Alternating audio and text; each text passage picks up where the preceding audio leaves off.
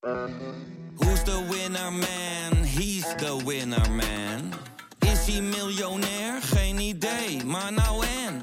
Je hebt geen jackpot nodig to be a winner man. Oh oké, dat is wel lekker man. De strijd om de miljoenen van Siewert van Liende is losgebarsten. Zowel de staat als zijn stichting eisen de mondkapjeswinst terug. Maar dat die opbrengst in ieder geval niet thuis hoort bij Van Liende, daarover kan toch eigenlijk geen twijfel bestaan. Hoe kon het zo ver komen? Dit is het. We hebben beet. En als Siewert het geld teruggeeft, kunnen wij dit schandaal dan eindelijk loslaten? Je hoort het in de Mondkapjesmiljonairs, exclusief bij Podimo. Ga naar podimo.nl/slash mondkapjes.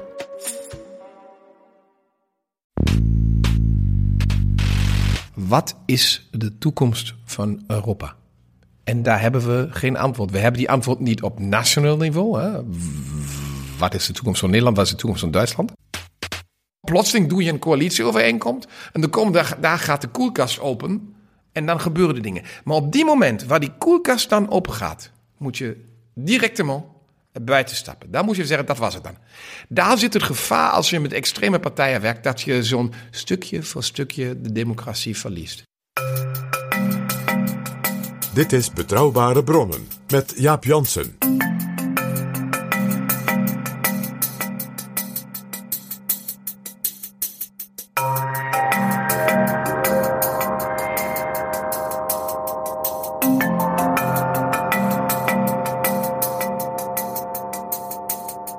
Hallo, welkom in Betrouwbare Bronnen, aflevering 399. En welkom ook PG. Welkom Jaap. PG, als ze in Duitsland hoesten, dan moeten wij in Nederland oppassen. Terwijl er in Nederland voorlopig nog geen kabinet is, hebben ze in Duitsland sinds ruim twee jaar een coalitie van Sociaaldemocraten, Groenen en Liberalen. SPD, Bündnis 90, Die Groenen en FDP. Maar het gaat niet goed met de Duitse economie. Die krimpt. Burgers zijn ontevreden. De oppositie groeit in de peilingen en de steun voor de drie coalitiepartijen neemt fors af. Helemaal voor de FDP van minister van Financiën Christian Lindner. De partij, die in 2021 nog 12% haalde, dreigt onder de kiesdrempel van 5% te komen. Onlangs waren er nieuwe verkiezingen in Berlijn en daar kwam de FDP op 3% terecht. Als je in Duitsland onder de 5% komt, dan verdwijnt de partij uit de Bondsdag, de Duitse Tweede Kamer. En laten we er omheen draaien, Jaap. Of het nou economisch is, politiek en zeker ook geopolitiek en cultureel. Wat in Duitsland gebeurt is voor Nederland levensbelang, is chefzagge. Je zei het al. En dat geldt ook voor Europa. Want Duitsland en Nederland behoren natuurlijk tot de oprichters van de EU. En Duitsland en Frankrijk zijn toch altijd samen de motor. Europa houdt dus ook een klein beetje zijn hart vast als het over het Duitsland van nu gaat. Alle reden om te gaan praten met wat we inmiddels wel onze vriend van de show kunnen noemen. Bondsdaglid Otto Frieke van de liberale FDP. Welkom in Betrouwbare Bronnen, Otto Frieke. Ja, um, van harte bedankt om deel van de show te zijn. Mag ik u, voordat we echt met het gesprek gaan beginnen, alvast één vraag stellen? Hoeveel zorgen maakt u zich om wat er politiek nu gaande is in Duitsland? Veel. Heel veel, want uh, de Duitsers hebben nog niet gerealiseerd dat Zeitenwende niet alleen maar bedoelt uh, we betalen meer voor tanks, maar ook bedoelt we zijn in een ander deel van het leven van de wereld. Heine zei het al, hè? denk ik aan Duitsland iedere nacht, zo bin ik om den slaaf gebracht.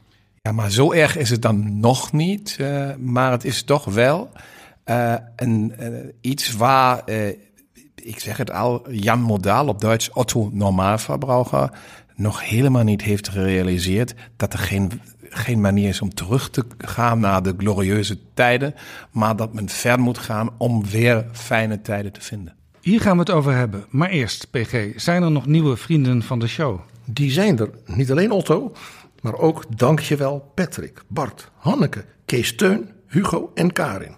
En er zijn ook nog losse donaties binnengekomen van Liewe, Frans en Wilbert. En wil jij ons ook helpen? Ga dan naar vriendvandeshow.nl slash bb. Dit is Betrouwbare Bronnen. Nogmaals welkom Otto Frieken. De Duitse regering waar uw partij de FDP deel van uitmaakt, die is over de helft, ruim over de helft van haar periode. En normaal gesproken komen er nieuwe verkiezingen in september 2025. De drie partijen die in dat kabinet zitten, die hebben het zwaar. En uw partij moet vrezen voor die 5% kiesdrempel. Dat zagen we al een beetje bij een aantal deelstaatverkiezingen. Ja, we hebben dat probleem. Daar, daar moet je ook, uh, ja, moet je alleen maar zeggen. Het is in het midden van de, de, legislatuur. Daar is de kritiek meestal het hoogste. Men heeft hervormingen gedaan. Met bepaalde hervormingen werkt het nog niet zo goed. En ja, het zijn twee meer linker partijen. Met een mede en economisch er heel veel mensen rechtse partij. En dat bedoelt voor, voor mijn partij, voor de FDP. Oh, ja, kiesdrempel. Uh, ja, daar kijk je van beneden naar boven. Ja, dus in de coalitie zit een soort ingebouwde permanente spanning. Ja. Die zowel politiek is als ook een beetje cultureel. de Groenen zijn cultureel iets anders dan de klassieke SPD. En ook anders dan het he, burgerlijke milieu van de FDP. En dan ook nog een economische spanning, doordat het natuurlijk met de Duitse economie en vooral de Duitse industrie ja, zorgelijk loopt. Ja, en, en dan, dat gebeurt speciaal omdat we geen hervormingen hebben gedaan. Hè? Dat kun je met Duitsland heel vaak zien. Hè? Uh, ja, we doen het fijn na de Tweede Wereldoorlog. Uh, Wirtschaftswunder, gaan omhoog. Dan doe je helemaal niets. Dan komen de jaren 61, 70, waar men niets heeft gedaan. Dan moet je in de jaren 80 weer hervormingen doen. Uh, dat heeft Helmut Kool dus gedaan. Dat heeft Helmut Kool dus, dus gedaan. Waar en toen kwam de hereniging. Toen moest er natuurlijk ook heel veel gebeuren. dan kan de hereniging. Maar dan moet je ook zien, die hereniging was natuurlijk een, een hervorming van bijzondere manier. Maar dan heeft men later, ongeveer 15 jaar na de hereniging, gezien oh, aha, gaat toch niet zo goed. We hebben daar echt niet We zijn alleen maar groter geworden en hebben geïnvesteerd in het oosten. En dan begon natuurlijk met Schreuder de vraag. Uh, en die heeft dan de laatste echte grote hervorming in Duitsland gedaan. Die zogenoemde Agenda 2010, 2010. En daarna, nee, zelfs met een regering van Christen-Democraten, Liberalen, 9 tot 13, geen echte hervorming. Dus er is in feite een vertraging die de Duitsers een beetje aan zichzelf te wijten hebben. Iedereen herinnert zich nog uh, de periode Merkel. Daar werd met enige bewondering ook vanuit Nederland wel naar gekeken, naar hoe zij het aanpakte. Maar uw partij vond toen al, uh, zeker in de eindfase, dat er te weinig gebeurde.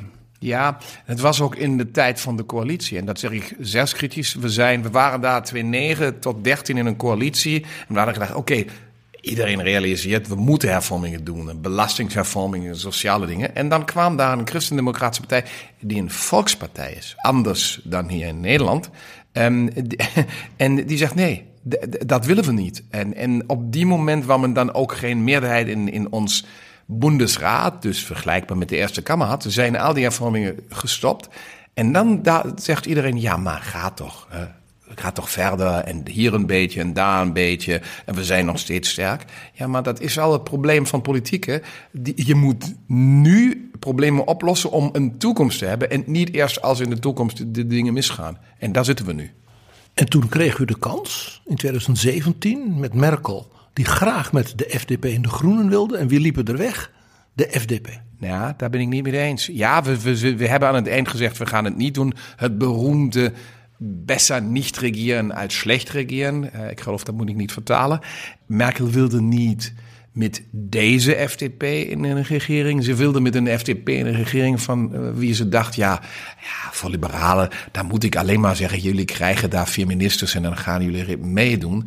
En dat was een andere FDP die vier jaar buiten het parlement had gezeten en zegt, nee, dat gaan we niet weer eens doen. Maar dat leidde opnieuw tot de door u dan mede veroorzaakte, wat de Duitsers mooi noemen, reformstouw. Ja, want die grote coalitie die dan nog vier jaren kwam, was weer een merkelijke coalitie. Waar aan het einde, als ik nu mensen vraag, ja, wat is dan in, tijdens de grote coalitie 17 tot 21 aan grote dingen gebeurd? Uh, we schaffen dat misschien. Dus de vraag van migratie, waar iedereen nu zegt: nee, het was misschien toch niet zo. En eigenlijk zegt u daarmee nog iets. Namelijk de huidige bondskanselier, Olaf Scholz, was natuurlijk toen de oppermachtige nummer twee in die coalitie als minister van Financiën. Dus de voorganger van uw chef politiek, Christian Lindner. Dat moet toch ook in zekere zin ook een soort spanning in zich dragen. Nee, gaat, dacht ik ook. Want hij was ook, ik was in de oppositie als woord voor de begroting, was hij mijn minister. Um, en, en, en u kon lekker schieten op hem. Ja, ja maar kijk, ik, ik geloof als mensen begroting doen, geloof ik in cijfers en niet in, in, in schieten en al deze dingen. Dat laat ik aan, aan anderen dan over. Maar met hem was het, discussiëren niet zo eenvoudig. En het was hij is een andere soort van politicus. Dat kun je ook zien in de vraag als het vergelijkt met Macron of met Mark Rutte. En hij denkt meer in de achtergrond te blijven. En En nu dat uh, hij kanselier is en, en, een liberaal minister van Financiën, daar probeert hij altijd te zeggen: ik, ik ga niet zeggen, uh, uh, toen ik nog minister was, had ik het zo en zo gedaan, of, of deze dingen. En dus dat gaat, maar het probleem is, is, is, is een andere. De communicatie binnen de coalitie is niet eenvoudig. Ze is te vaak buiten. Um, ik zal het een beetje vergelijken met de vraag: uh, hoe krijg je in Nederland een nieuwe regering? Communiceer je dan langs Twitter of X, als het nu heet? Of communiceer je, en dat hebben we bij de coalitieovereenkomst gedaan, daar was een absolute nieuwsstilte. U heeft toen in Betrouwbare Bronnen buitengewoon onthullend en boeiend verteld over de manier waarop die stoplichtcoalitie, hè, zoals mm -hmm. dat zo inderdaad tot stand kwam. En dat dat dus heel gedegen, maar ook heel gedisciplineerd gebeurde. Er werd ontzettend hard gewerkt. Hoe lang duurde die?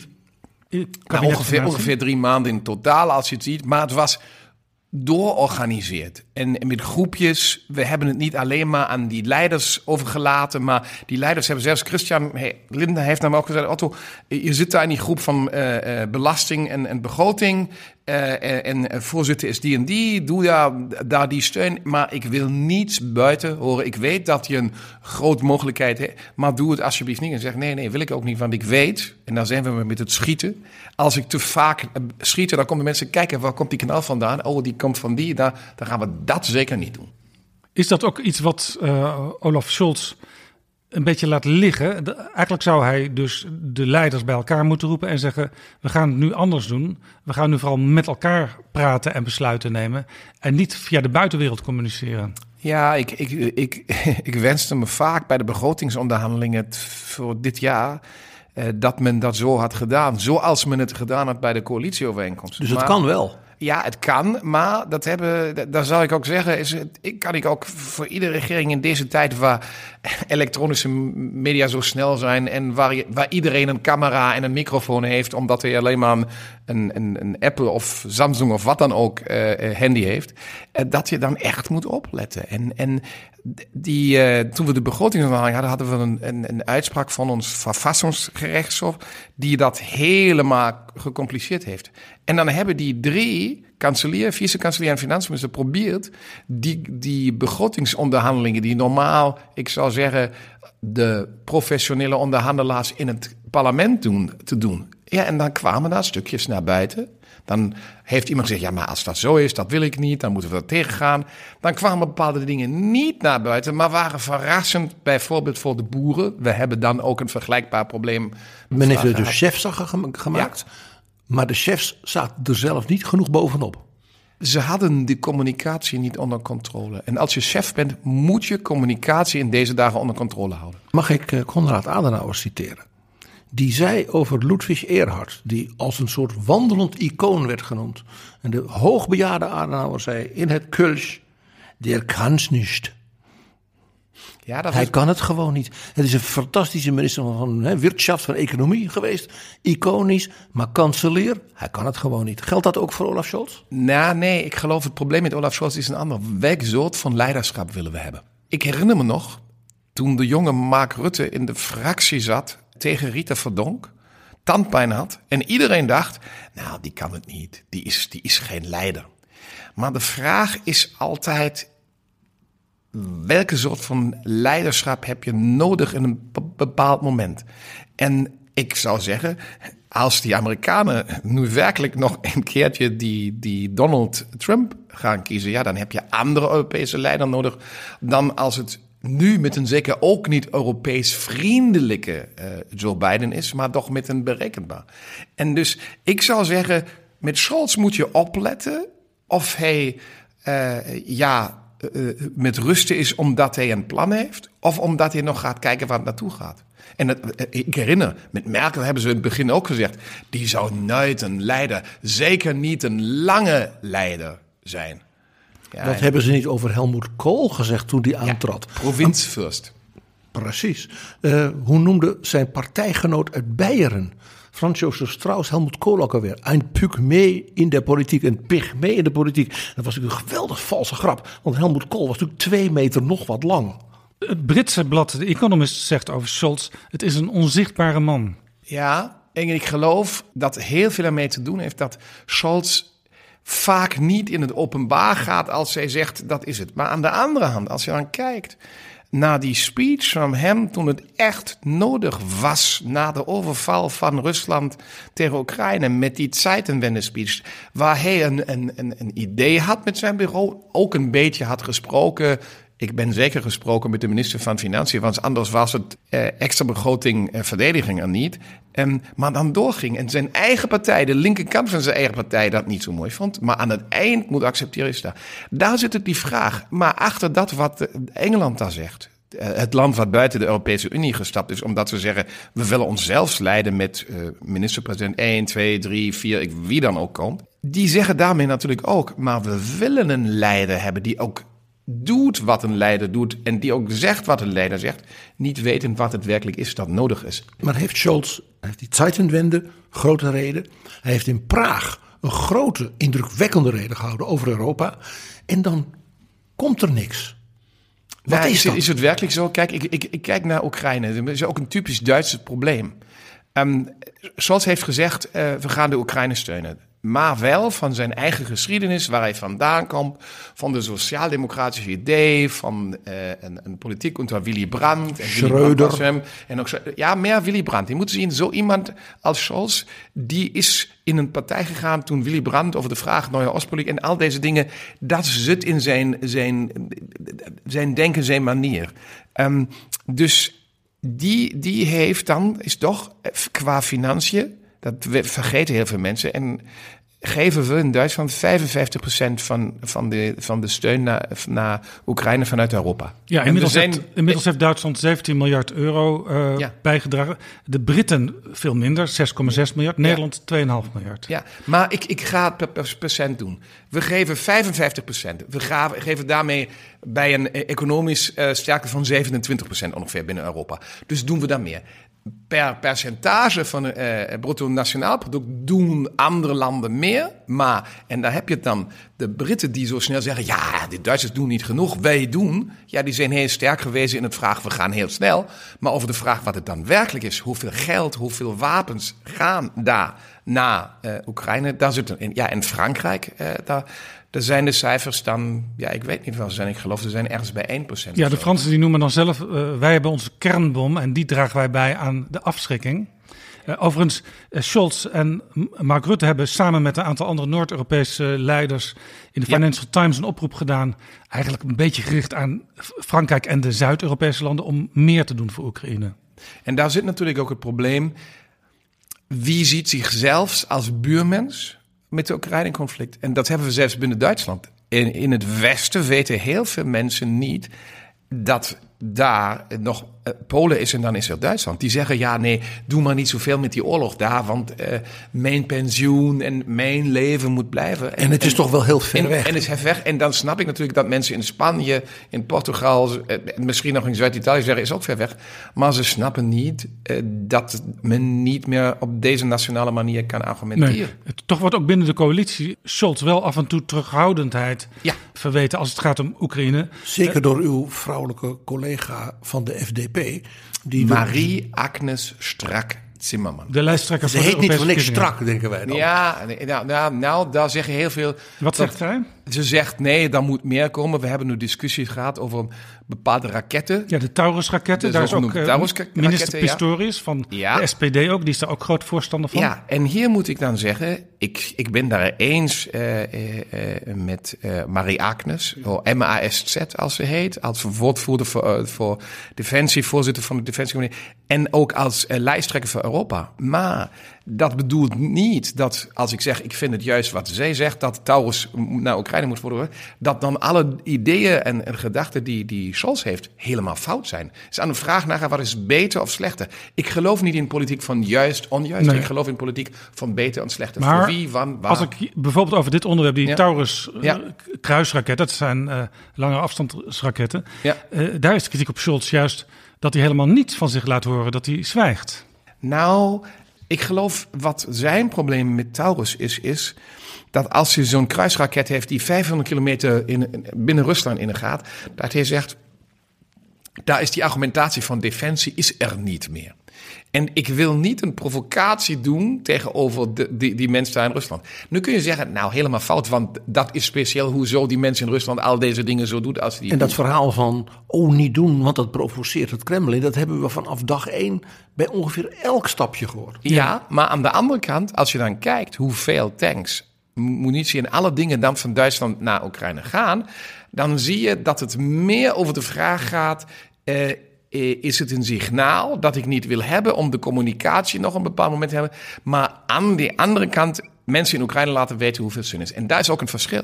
De kritiek aan Scholz, dat zeg ik nu als liberaal, die misschien een andere positie heeft, die komt meer van het binnenland dan van de Oekraïne. Want die mensen in de Oekraïne, die kijken, wat komt er werkelijk naar ons toe? Duitse, Engelse, Franse dingen. En dan zien ze, oh, meestal Duitse. Ja. En Nederlands ook. In Duitsland wordt steeds populairder de minister van Defensie, dat is Boris Pistorius. Die Ja. komt uit de partij van Olaf Scholz. Ja, daar, uit Niedersachsen. daarvan wordt ook af en toe al wel gezegd, misschien wordt hij uiteindelijk wel de opvolger, want die kan die partij er weer bovenop helpen.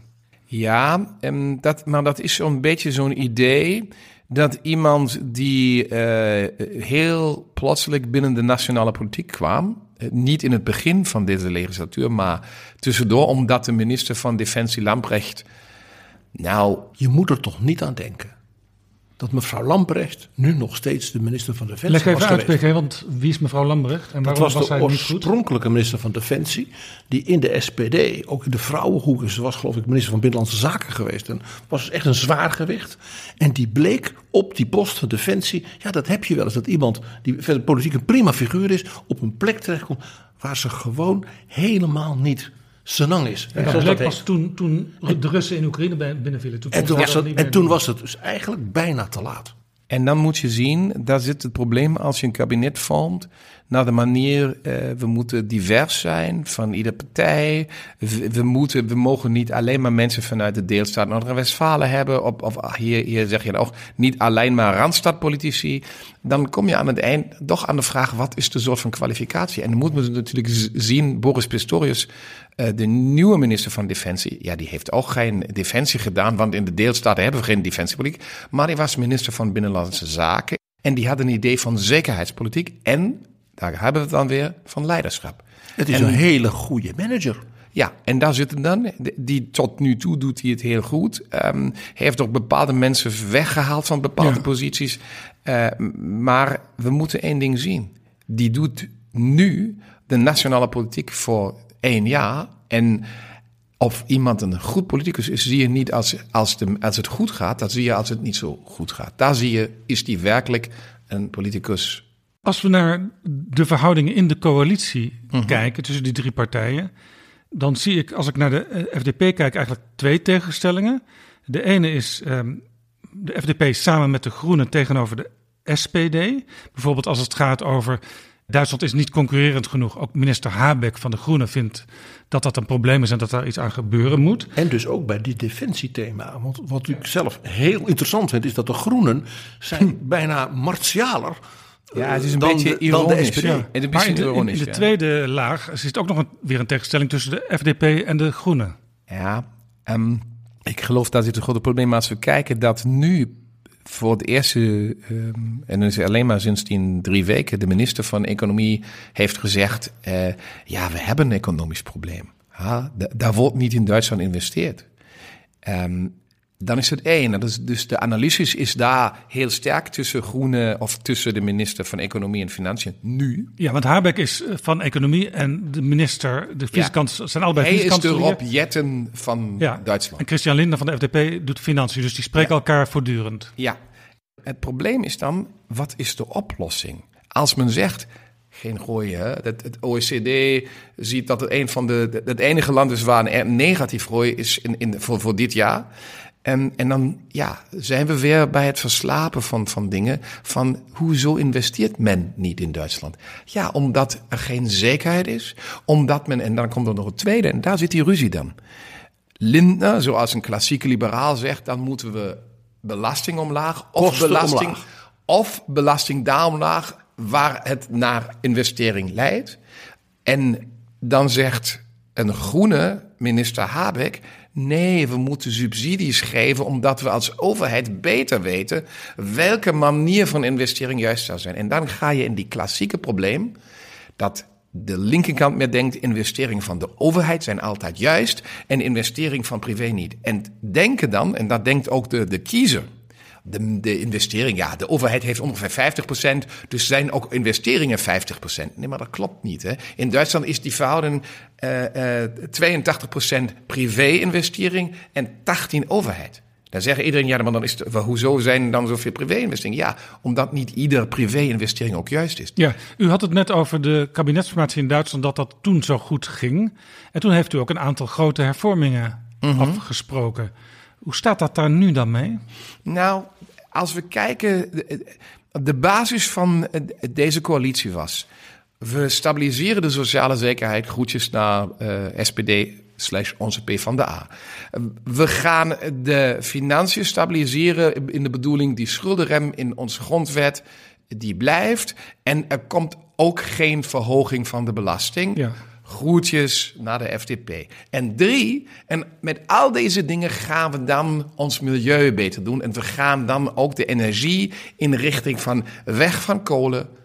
En dan kwam het probleem weg van kernenergie en windmolens en solar.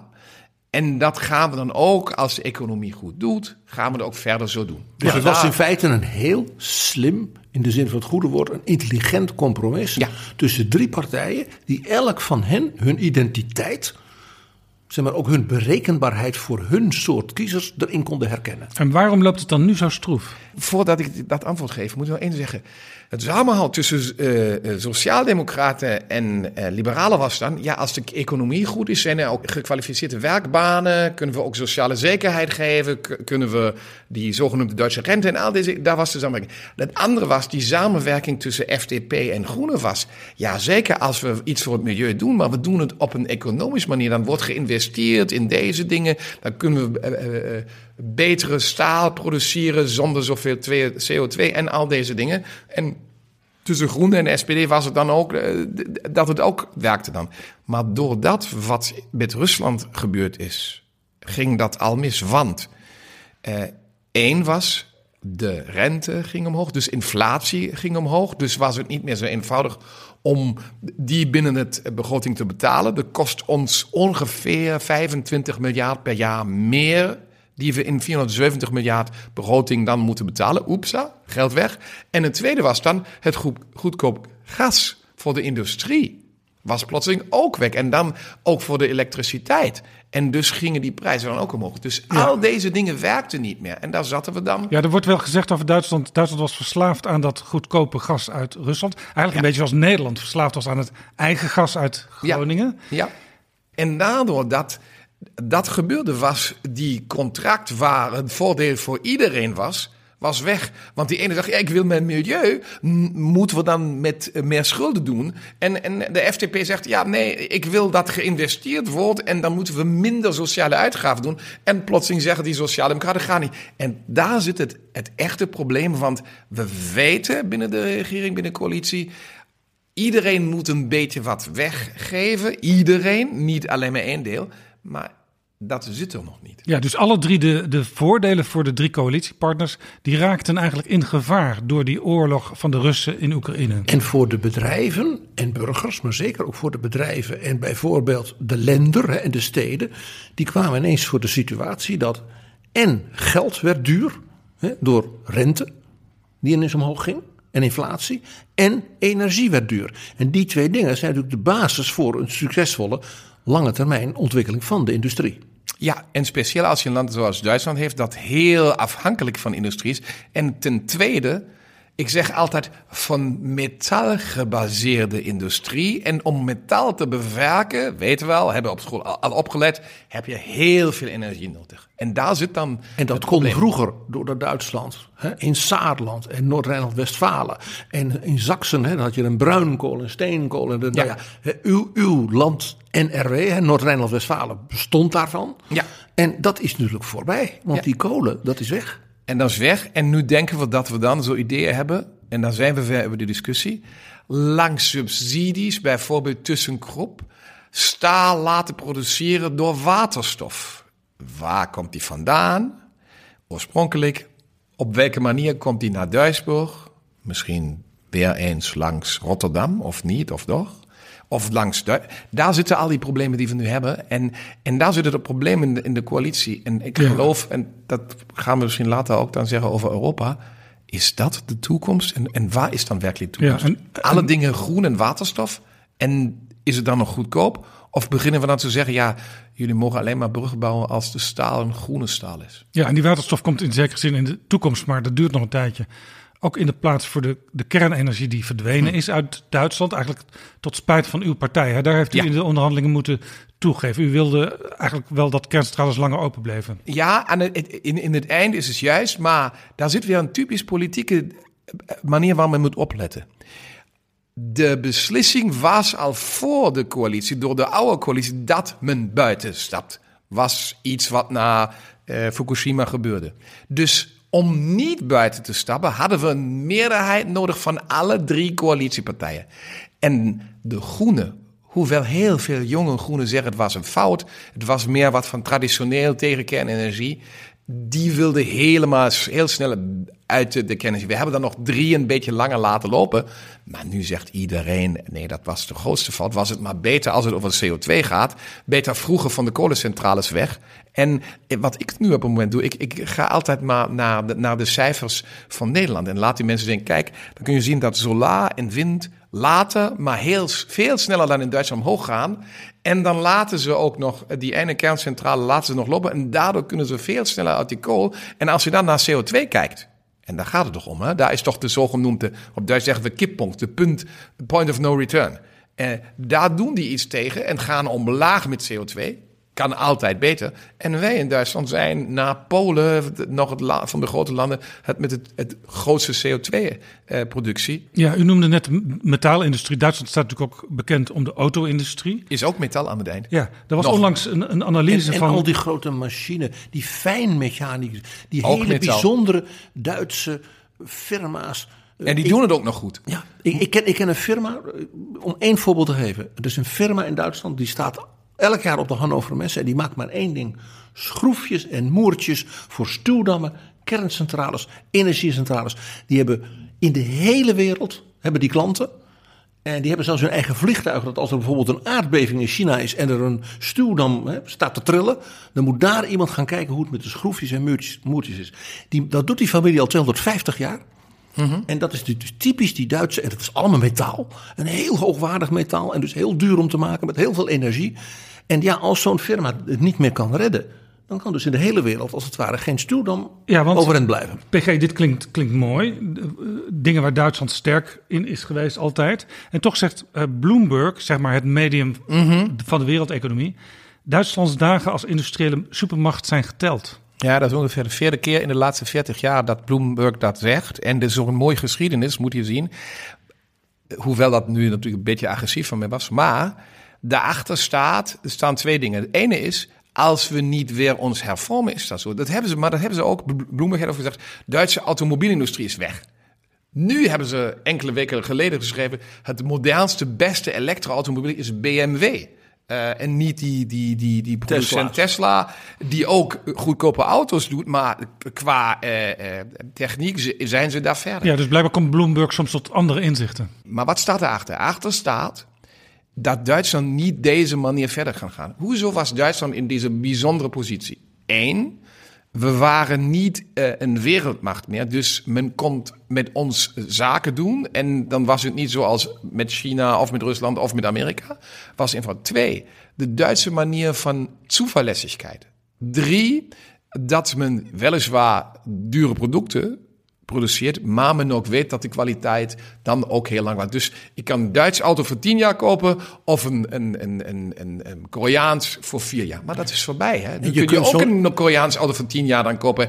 Dus daar hebben we verloren en dan moeten we een andere manier vinden. En misschien nog een, een laatste. We zijn niet, mensen denken, oh, daar komen heel veel nieuwe ideeën vanuit Duitsland. Nee, het, het sterkste van Duitsland is ideeën die er al zijn, samen te vatten en nieuwe producten te brengen die dan op hoge kwaliteit zijn En daar zit het probleem, want daarvoor heb je dan gekwalificeerde mensen nodig. En dat is een groot probleem hier in Nederland. En in Duitsland. En in Duitsland. In Duitsland loopt daar in 10, 15 jaar ook Nederland voor door een sterkere vergrijzing. Ja, en het probleem zit qua uh, uh, geboortejaargang, zit hier in, in mijn persoon, 65, babyboomer.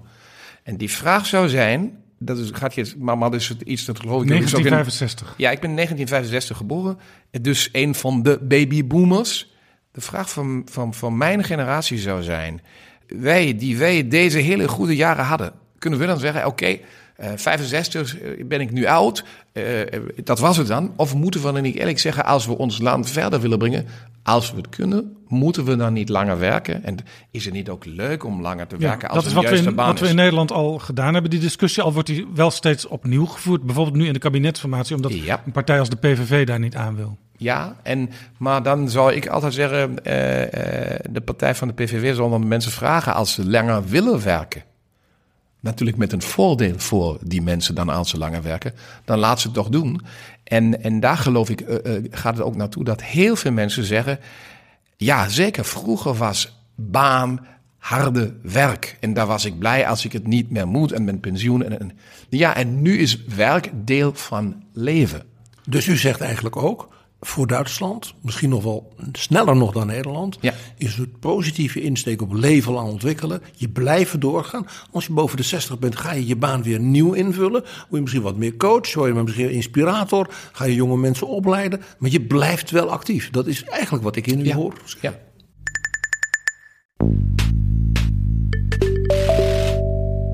Dit is Betrouwbare Bronnen, een podcast met betrouwbare bronnen.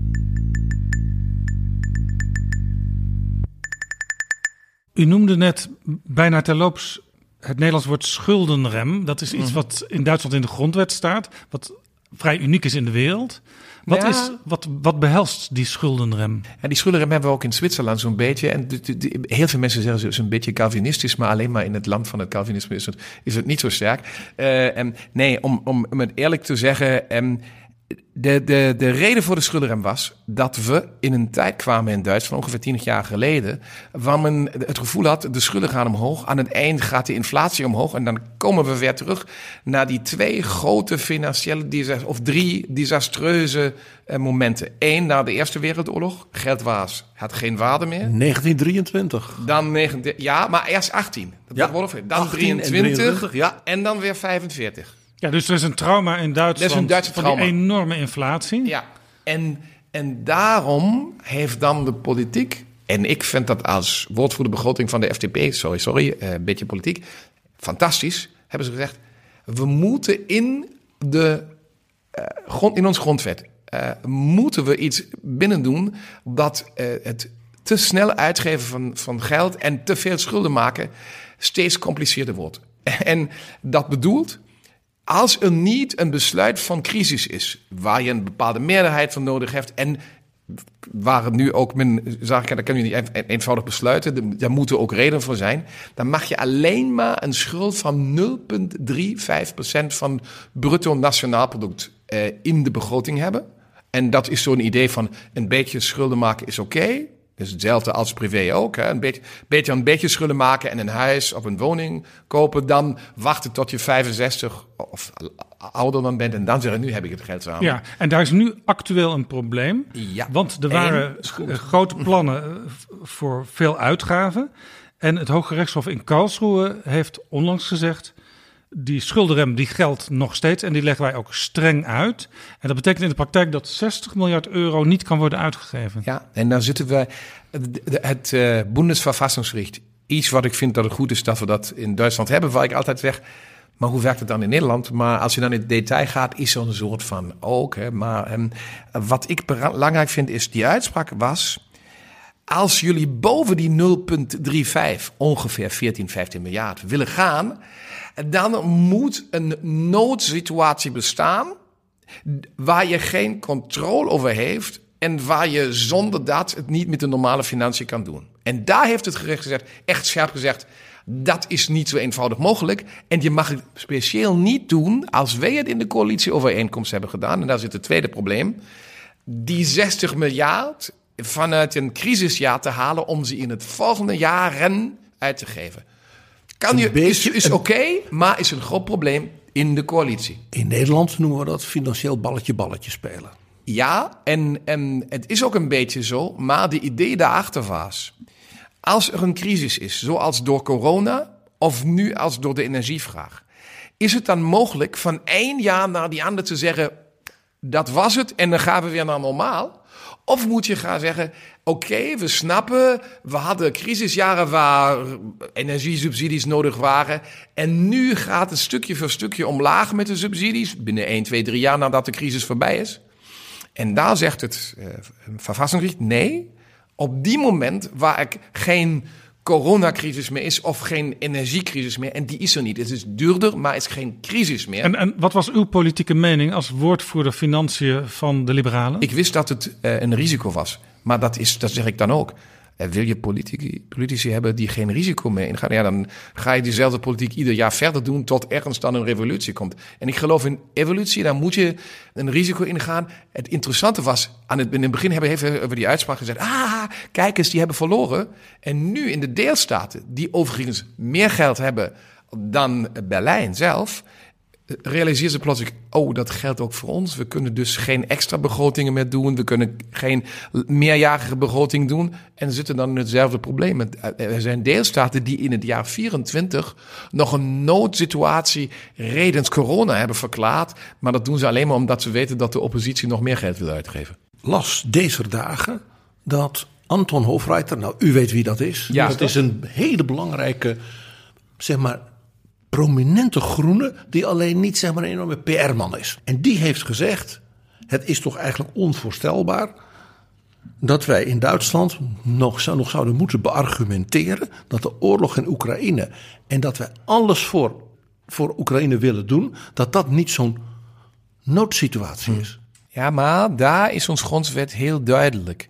Een noodsituatie is iets wat plotseling komt en dan moet je kunnen reageren. Maar iets wat lang duurt. Dus redens Oekraïne dat te doen was in het eerste jaar van de Oekraïne mogelijk. Hebben we ook, een, hebben we ook gedaan. In het dus in 2022 had het gekund. Maar om er nu mee te in komen... In 23 had het ook nog gekund. Omdat men realis had kunnen realiseren... Kijk eens waar die energieprijzen in het begin van het jaar 23 waren. Iedereen herinnert zich nog. Maar in 24 moet je dan zeggen... Nee, die oplossing, en daar is het probleem van, uh, ja, aha zijn die initialiën, en dat is voor de Duitsers altijd niet zo goed. Het is, het is geen eenvoudige antwoord van, ja, is toch, uh, uh, het moet zo zijn. Die oplossing is dan, of Duitsland beslist dat de belasting omhoog gaat, dus meer inkomen komt en dan meer uitgegeven wordt voor defensie. Of men zegt, we doen minder uitgaven, we gaan weg van bepaalde sociale of milieuzaken. Maar dat wil natuurlijk Anton Hofreiter niet. Die zegt dan, ik wil daar niet minder, ik, wil, ik weet, ik kan met de FDP daar niet meer. Dus eenvoudig, oplossing, schulden. Nee. En daar ben ik natuurlijk met hem niet eens. En, en daar... Die discussie, dat wordt dit voorjaar nog heel leuk, hè? Tussen u en Hofreiter en de SPD, als ja, ik dit komt, zo hoor. Er komt hoewel het op het eerste manier, eh, denkt men ook, nu komt een Duitse specialiteit, maar die zou ook voor Nederland een probleem zijn. Zou er een noodsituatie komen als de volgende Amerikaanse president uh, Donald Trump is en die zegt: uh, nee, uh, Oekraïne doe ik helemaal niets. probleem van, van jullie Europeanen en, en mijn, mijn vriend Poetin, die krijgt dan wat hij wil, is niet voor mij van belang. En zitten we dan in een noodsituatie, omdat we moeten realiseren, we zijn alleen tegen Rusland en natuurlijk ook tegen anderen in de wereld. Eigenlijk wat u net vertelde over die, zeg maar, die driehoeksverhouding van de SPD, de Groenen en uw liberale FDP. Is natuurlijk heel herkenbaar voor de Nederlandse kabinetsformatie. Namelijk allerlei partijen hè, die wat in Duitsland heet vrijbier, gratis bier hebben beloofd. En tegelijkertijd een serieuze ambtelijke rekensommen die zeggen: ja, dat kan wel, allemaal mooie plannen. Maar, en dan komt het, en dan is de een zegt van ja, maar dan moet jij dat maar niet doen, want ik wil dat wel houden. En dus in feite, wat u vertelt, is eigenlijk wat in de kabinetsformatie nu het probleem blijkt te zijn. En daar heb je gezegd hoezo ik zo van begroting en cijfers hou. Men kan als politicus heel veel dingen beloven. dat wat jullie met die vrijbier voor alle gezegd heeft, is, is iets waar ik dan zeg, ja, nou, ik snap wel dat het een goed idee is deze dingen te doen, maar hoe wordt het betaald en wie zou het betalen? En als een politicus zegt, uh, goed idee heb ik, maar ik zeg je niet wie het betaalt, dan weet je aan het eind betaal je het zelfs. En als het dan, zoals typisch, de BTW-begroting voor iedereen is. Ja, nu is er een partij in de oppositie, dat zijn de Christen-Democraten, CDU-CSU. Uh, die staan soms redelijk dicht bij de FDP als het gaat om het financieel beheer van de staat. En die zeggen nu, uh, en dat levert ze ook stemmen op in de peilingen. Wij komen met een 12-puntenplan, een hervormingsvoorstel. Mm -hmm. En ik kan me voorstellen dat u dat aanspreekt, want mm -hmm. zij staan misschien op die punten, op sommige van die punten, wel dichter bij uw partij dan u bij uh, de SPD en de Groenen staat. Klopt. Um, maar daar hebben we het dan met dat wat daarvoor al was. Dat is een gratis bierpapiertje. Ik heb het gelezen en gezegd, oké, okay, goed idee, ja, belasting daar weg en dan meer investeren. Daar misschien ook als mensen la, harder werken, langer werken, uh, 60 uur per, per week werken, dat men daar belast. Heel goed idee. En dan heb ik gezegd, oké, okay, volgende pagina, hoe wordt het gefinancierd? En U dan miste de financiële paragraaf. Ja, daar is geen. En dat is eenvoudig, hè? te zeggen ja, dat, dat, dat en dat. En dan zijn we weer, weer bij het vrijbier, in, dit geval voor de economie. Ja. En het tweede is, ja, de CDU is in delen, eh, als het over economie gaat, eh, eh, nabij de FDP. Maar het is een christendemocratische volkspartij. En dan te zeggen, die bestaat alleen maar als, van die, die economische vleugel. Dan moet ik zeggen, nee, die economische vleugel is een klein deeltje. Maar die is natuurlijk op het moment heel duidelijk, omdat in zo'n meer linkse coalitie met liberalen die dingen niet gebeuren qua economie, die men, als men uh, conservatief economisch is, wil dat ze gebeuren. Nu heeft Olaf Scholz in een toch weer zo'n grote reden hè, gezegd, uh, we moeten de hand ineens slaan. En daar gebruikt hij het woord Duitslandpact voor. Mm -hmm. Dus eigenlijk zei hij, de lender, hè, die natuurlijk in Duitsland heel belangrijk zijn, ook de grote steden, ook heel belangrijk. En ook de oppositie, en hij bedoelde met name dus de CDU, CSU, niet die linken en de AFD. Mm -hmm. Die zouden eigenlijk de handen ineen moeten slaan voor een soort gezamenlijk nou, moderniseringspact in en dergelijke. Is, is dat 12-puntenplan als daar een poging van de CDU om een beetje het feit dat Scholz dat riep, maar vervolgens niet leverde, uh, om dat als het ware bij hem weg te halen? Nou, Tactisch dus. Ja, maar qua geschiedenis. Toen Scholz dat heeft gezegd, heeft uh, een week geleden in het parlement, uh, bij de grote debat over de begroting van het kanseliersambt, is, dat gaat over de, het geheel, um, heeft uh, Merz, de leider van de Christendemocraten, die het papiertje nu schrijft, gezegd, Denken jullie echt dat we met jullie gaan samenwerken? Nooit, dat gaat niet gebeuren. En als je dan zo'n 12, 12 punten papier een week later schrijft, ja, dan weet toch iedereen wat daarachter staat. Daar staat alleen maar, nee, we willen het niet doen. We willen daar meer zeggen, jullie zijn niet in staat om, om, om te regeren. Maar wij, als wij dan komen, gaan we doen. Dat hebben ze ook bij de begroting gedaan. Ze hebben gezegd, in de algemene begroting oh, uh, dat is echt slecht, jullie geven te veel geld uit. Als het dan in de detailbegroting was over pensioenswetten, over familiewet. Ja, daar gaat het kapot, daar gaat minder geld. Er moet meer geld daar en er moet ja, meer geld en. Deze, dus nee, dat zijn, hier zou men zeggen, Haagse spelletjes die daar gebeuren op een moment. Samenwerking en vertrouwen komt eerst op die moment waar iemand iets weggeeft, of hoewel hij het niet moet, of waar iemand iets niet neemt, hoewel het normaal legaal kan doen. Eerst op die moment beginnen mensen echt politiek te doen. Daarvoor wat, is het wat gaat de FDP weggeven? Nou, nou dat had je kunnen zien. Um, we hadden het over uh, bij de uh, begroting 24. Was een van die punten waar aan de eind echt, echt strijdbaar was, was ja, er moet ook iets aan de kant van uh, belasting komen.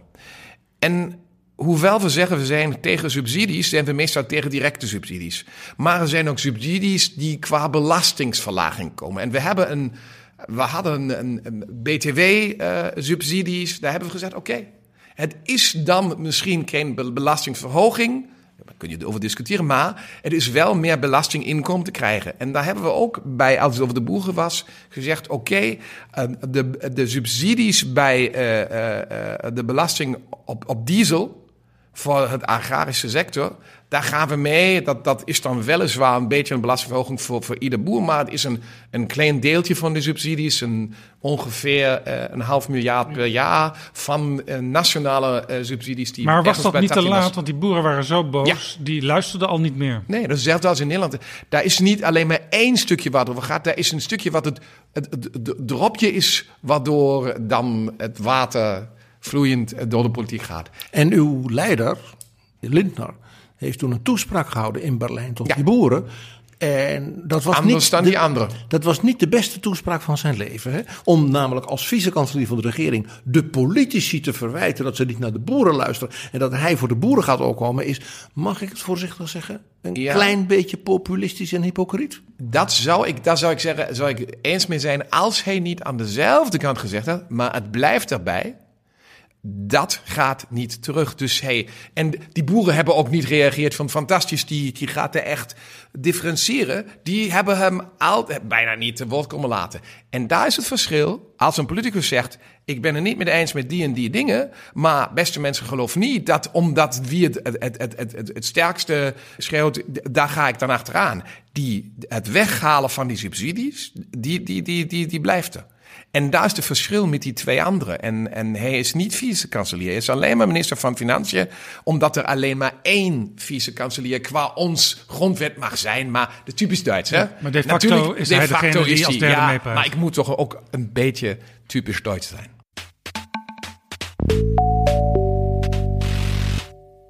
De CDU, CSU, oppositiepartij, profiteert van de onvrede. Maar er is een partij die nog veel meer profiteert van de onvrede in Duitsland.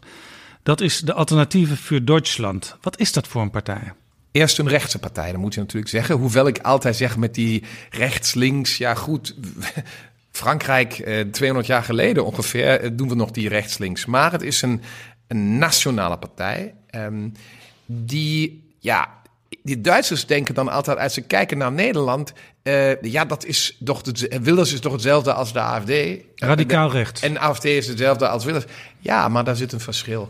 Ehm, het is een um, um, zamelingsbeweging van alle rechtse in Duitsland met een heel sterke basis in het oosten van het land. Speciaal in het land Turingen, waar ze al de sterkste partij zijn. En met Björn Höcke een, een, een mens daar hebben die... Uh, een geschiedenisleraar. Een geschiedenisleraar uit het Westen, overigens. Ja, um, het is geen Ossie. Die, die daar zit. Het is een, een, een ik zou zeggen, voor een, een Nederlandse luisteraar... Het is een, een samendoen van LPF, Forum voor Democratie, PVV...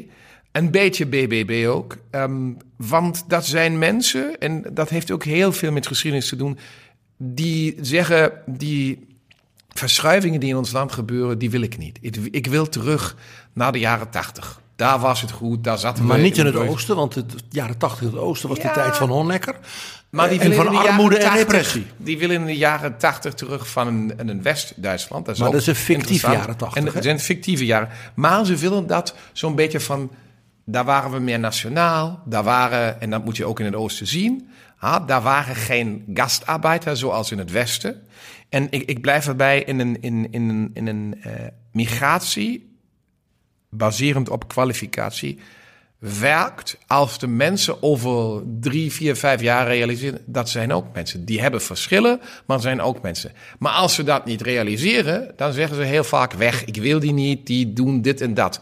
En nou weten we dat in ieder groep slechte, eh, boze mensen zijn, maar ook meestal goede mensen. Ja, en dat was is het probleem. zelfs een bijeenkomst van eh, mensen uit de top van die partij, de AFD, met neonazifiguren erbij. En, en leden van de Christendemocraten ook, ja. En dat was in een hotel in Potsdam. En wat werd, werd daar Ja. besproken? En, en het, het verschrikkelijke was ook nog eh, eh, In Potsdam. eh, in, een, In januari. aan de Wanzee. Het was op kijkafstand Ja, van de plek waar in januari 1942 de hè, beruchte Wannsee-conferentie Ja. was. Die dus als het ware gewoon de planning deed, hè, industrieel, logistiek, van de, nou ja, de moord op, Dus de, ook- op de Joden. ja, en en dus- vlak daarbij gingen ze nog Ja. eens een keer gezellig bij elkaar zitten. maar hier moeten we natuurlijk zien. Ik, ik, ik, Nog even voor de helderheid. Ja. Daar werd besproken om mensen die eh, in de loop der jaren van elders naar Duitsland zijn gekomen... Ja. het land uit te zetten. Zelfs als ze, zegt men tenminste, ik heb er nog, daar is nog geen proef, maar zelfs als ze eh, eh, de zogenoemde Duitse staatsbürgerschaft hadden, weer terug te sturen. Ja, en zelfs ook Duitsers die voor deze bevolkingsgroepen opkomen. Ja. Dat zeggen van laten die dan maar met ze meegaan. Dan schoppen we die ook nog Duitsland Nu, uit. van wat ik nu zeg, weet ik, zou ik heel veel kritiek krijgen, maar eh, men moet daar één ding zien. Daar was geen leiderschap van, van de AFD erbij. Er waren wel, wel mensen die voor leiders werken daar. Dus is het een centraal plan van die partij? Nee. Zijn het mensen van belang in die partij? Ja. Bedoelt het dat dat die richting van de partij is? En daar zitten we in het oude, oude probleem met, met, met extreme partijen. Zelfs als je een leiderschap heeft die zegt: Ik ben wel rechts, maar niet rechts extreem en niet antisemitisch. Als je in een groep bent met antisemieten, dan gebeurt dat. En dat, eh, ik, ik zeg het altijd ook naar die leden van de AFD met wie ik dan spreek. En dat doe ik ook. Je moet ook met deze mensen Ja, want ze hebben ook een grote fractie in de Bondsdag. Ja, zijn ze. En de volgende keer, als die opiniepeilingen zijn ze nog groter. Ehm, het kan al gebeuren dat ze de twee grootste worden als de eh, SPD en, en Groenen niet groot worden. Maar ehm, het probleem zit, zit, zit daar aan een andere plekje. Je weet nooit wie aan het eind in zo'n partij de leiderschap heeft. Je zag het, die professor Loeke, geloof ik, Ja. die was kritisch op En- de euro, ja, ja. was een econoom. Weg. Maar die had geen idee dat achter hem, mevrouw Weidel en Björn Hukke, dus die geschiedenisleraar, uiteindelijk hem eruit werkte en er gewoon een neonaziepartij van maakte. Ja, maar dan heb je het in, zoals in heel veel rechtse partijen. En, en, en wie daar een idee heeft um, om een beetje over na te denken hoe, hoe, waar het om gaat. Kijk dan naar de zogenoemde Röhmputsch bij de NSDAP. Waar de socialistische deel van de NSDAP ja, verdwenen moet. Omdat de nationale antisemitische NNN, die aan het eind dan al deze dingen heeft gedaan die, die zo donker waren als het niet donker kan zijn. En daar was ook nog die vraag, waar ging die richting? Ik bedoel daarmee niet, die andere richting was beter. Maar we moeten zien dat binnen de AFD daar heel veel mensen zijn die ver, ver, ver rechts zijn, die crimineel zijn. En, en, en. Natuurlijk zijn er ook extreem conservatieve mensen. Ja. Natuurlijk zijn er ook vrienden van Israël. Maar die vraag is, is dat wat daar gebeurd is in dit gebouw aan de Wanzee, is dat waar de, waar de partij naartoe gaat. En dat heeft zo'n onrust gegeven dat in alle steden in Duitsland, bijna alle steden in Duitsland. Ook bij u in Kreeveld? Ook bij mij in Kreeveld. Ik, ik heb ook demonstreerd aan een, aan een zaterdag en was, was positief verrast dat er 12.000 mensen in een stad van 230, dan denkt men is niet zoveel, maar dat is toch veel. En dat het, ja, niet mensen waren die altijd demonstreren, maar dat het de buurmens, de, de buurvrouw was, die dan plotseling daar kwam en zag: hé, hey, we zijn meer dan jullie rechtse. Dit was trouwens een moment dat Olaf Scholz zei: wie blijft zwijgen is medeplichtig. En uh, daar kreeg je ook commentaar op in de zin van: hij laat eindelijk weer eens uh, stevig van zich horen. Laten we even naar Olaf Scholz luisteren. Ich sage es in aller Deutlichkeit und Härte. Wenn etwas in Deutschland nie wieder Platz haben darf, dann ist es die völkische Rassenideologie der Nationalsozialisten. Nichts anderes kommt in den abstoßenden Umsiedlungsplänen der Extremisten zum Ausdruck. Sie sind ein Angriff auf unsere Demokratie und damit auf uns alle. Deshalb sind nun auch alle gefordert, klar und deutlich Stellung zu beziehen. Für Zusammenhalt, für Toleranz und für unser demokratisches Deutschland. Dit was Olaf Scholz. Grote demonstraties in Duitsland. Maar Jaap, weer een speech van Scholz. Of het nou Zeitenwende is, of Praag, of het Duitsland pakt. Nu ook weer. Hij is een goede speechschrijver. En dan, wat gebeurt er dan? Dat is bij Scholz altijd weer de vraag. Ja, het duurt altijd een beetje. Dan zijn we ver met die wapens en, en deze vraag. Het gebeurt. We Duitsers hebben het probleem. Als we zeggen, dat gaan we doen, moet het gebeuren. En we weten aan de andere kant, maar het moet toch gründlich zijn. En dan Ja, weten we ook, het gaat niet zo snel. Maar met een partijverbod van de AFD, zelfs bij de NPD heeft men het uiteindelijk nou ja, toch niet helemaal gedaan. Hè? Nee, partijverbod is... Nou, hier gaan we echt waar echte verschillen tussen Duitsland en Nederland zijn. We hebben een echt partijwet. Zo'n partij goed. als de PVV was niet mogelijk bij ons met twee leden, hè, die dan aan de ene Ja, één lid dat is een voorwaarde überhaupt om een partij te kunnen hebben in Duitsland. Het moet wel een ledenpartij zijn. En Ja, allerlei ledenpartij interne zijn- democratie. De democratie moet van beneden naar boven altijd bestaan. Dat hadden we in mijn partij bijvoorbeeld. Er was een discussie buiten uh, de coalitie te stappen in de FDP. En dan hebben we, dat hebben we ook in onze uh, constitutie als, als, als, als partij, dan hebben 500 leden gezegd, we moeten er uh, over afstemmen. En dan hebben we het ook gedaan. Een soort referendum hè, in uw partij. Een echt referendum binnen de partij was, ja, erg knap. was uh, 46 of 48 procent buiten stappen, 55 binnen blijven. Dus Lindner was daar niet heel blij mee, denk ik. Nee, ja en nee. Hij was blij ermee dat we het hebben gedaan. Want daardoor is die vraag voor de, voor de rest of the period beantwoord. Maar dat het zo erg was. Ik, ik had gedacht, zoals de meeste het was, ongeveer 40, uh, 60. Maar wat ik daarmee wil zeggen, een partij, daar is een democratische structuur. En, en dat zit dan aan de andere kant samen met de vraag: wat is gebeurd tijdens de Weimar Republiek? En dus is een partijverbod het, het scherpste wat je kan doen. En dat is niet zo eenvoudig. En bij de NPD, waar men dat heeft geprobeerd, was het dan aan het eind, er waren ook provocateurs uh, van, van de overheid binnen de partij. En dan is die vraag, wanneer is het tegen een constitutie, anticonstitutioneel? Ja. En wanneer is het binnen de constitutie met bepaalde dingen die aan de grens zijn? En mag ik niet ook ideeën hebben die aan die grens van die constitutie zijn? Ja. Nou ja. En, en wat gebeurt als dan ergens op een plotseling moment een meerderheid van de AFD en een andere rechtse partij is, kunnen die dan zeggen: nu gaan we het partijverbod uh, tegen de Groenen doen, want die zijn blablabla. Bla, bla. Dus daar moet je echt opletten. Mijn partij zegt: vecht tegen ze aan inhoudelijk. En daar zit het grote ook een verschil weer tussen AFD en, en hier PVV, Forum voor Democratie en al deze. Hier discuteert men met deze partijen. Zeker, soms kun je met bepaalde leden niet discussiëren. In, maar in men, Nederland bedoelt u? In Nederland, hier in Nederland, sorry, dat is omdat ik hier in Nederland zit op het Ja, moment. En niet op zoals normaal eh, eh, eh, qua telefoon of zo doe. Ehm, hier, hier discuteer je en hier zeg je dat is stom. Hier, die, die debatten kun je ook zien. En dan kun je dan ook zien als iemand geen argument meer heeft. In Duitsland doen we nog te vaak van dat. Bijvoorbeeld ook weer laatste week, eh, tiental hebben gezegd. eh, geachte collega's van de Democratische Partijen, en bedoelt daarmee, ik ga met jullie discussiëren, maar niet met de AFD. En dat mag je niet doen. Je moet discussiëren. U wilt ze op inhoud ook in de Bondsdag van repliek dienen dus. Of inhoud, of dat er geen inhoud is. En, en, en daar geen oplossing. Dus het eenvoudige van een extreme partij is, dat is het probleem. Ehm, als het, en als die weg zijn, is het probleem er niet meer. En, en, en- en- eenvoudig, ik heb het ook, ook gehad en ik vind het zo, zo, zo leuk ook. Had ik een discussie met een AFD-mensen. Ja, die buitenlanders die moeten weg. En zei ik, oké, dan gaan we, dan ga ik nu tegen je vechten en dan, dan bloed je en dan moet je naar het ziekenhuis.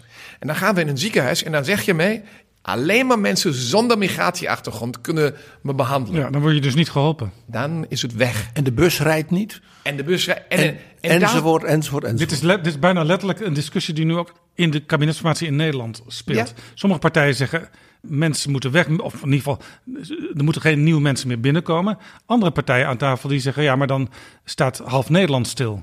Het Ja. Westland kan dan geen eh, paprika's en kom komkommers meer plukken. Ja. Dat is heel slecht voor de Duitse consumptie. Hè. En eh, ASML kan sowieso dicht. Ik zeg altijd, iedereen, weer mijn generatie.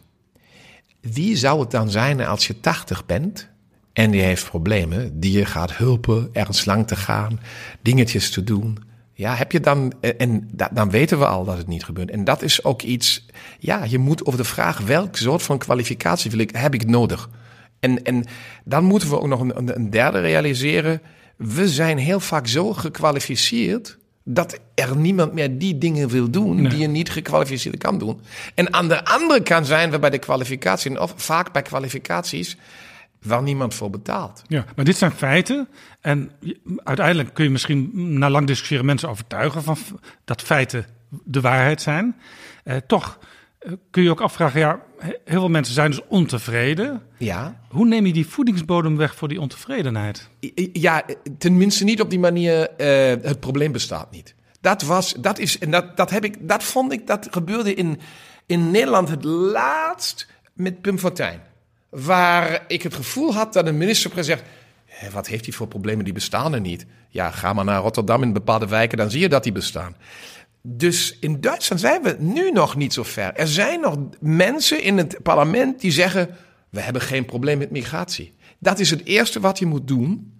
Ehm, daar kun je dan ook een beetje naar Nederland gaan kijken. Want eerst als je dat doet, zou, Ja, ik zou dan zeggen, Henk en Ingrid zeggen... oké, nu die snapt tenminste dat ik een probleem heb... Ehm, en en, en dan, dan eh, ga ik ook luisteren dat, welke oplossing van hem is. Aan de andere kant, tegenover die mens van de AFD, als die zegt: eh, eh, We hebben een probleem, dan zeg je: Oké, goed, wat is de oplossing?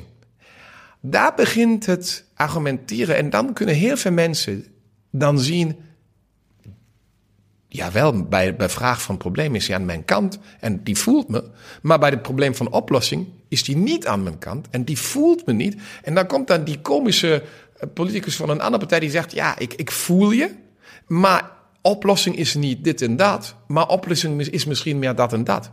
Het probleem met extreme partijen is iets waar ik heel snel kan zeggen: Kahneman, snel en langzaam denken. We mensen willen heel snel denken. Zeggen, oké, want snel is bequem. Hè? Daar is het probleem. Dat Snel is, makkelijk. Ja, is heel makkelijk. Is, eh, snel is, daar is het probleem.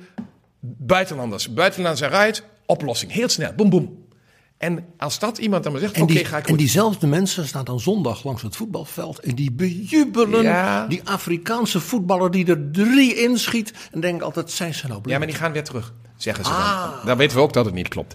Maar ik wil, en, en het langzame denken bedoelt, ik moet, moet luisteren naar eh, politici die zeggen, ja, aan de ene kant ja, migratie zonder controle is slecht, maar gekwalificeerde willen we toch hebben. Dan kan je gaan zeggen, kijk, ook gekwalificeerde voetbalspelers willen we hebben, maar niet gekwalificeerde willen we dan niet. En eh, aan de andere kant mag er ook iemand zijn die niet gekwalificeerd is, die hier naartoe komt, maar dan plotseling zich zelfs gekwalificeerd, wat, wat bestaat ook. Willen, de, wie, willen we die mensen dan echt terugsturen of willen we zeggen, die zijn goed voor ons? Want de Dat- industrie heeft ze nodig, de zorg ja, heeft ze nodig. Maar dat bedoelt dan weer langzaam denken, nadenken, details denken. Ja, welke? En, en dat is het probleem voor de politiek op een moment. En dan ook nog gesteund door de eh, elektronische media, dat het heel snel gaat. Hey, doe me nog een daar nog een snipje, daar nog een TikTok, daar nog dat. En niet te veel, niet te lang, niet te detail.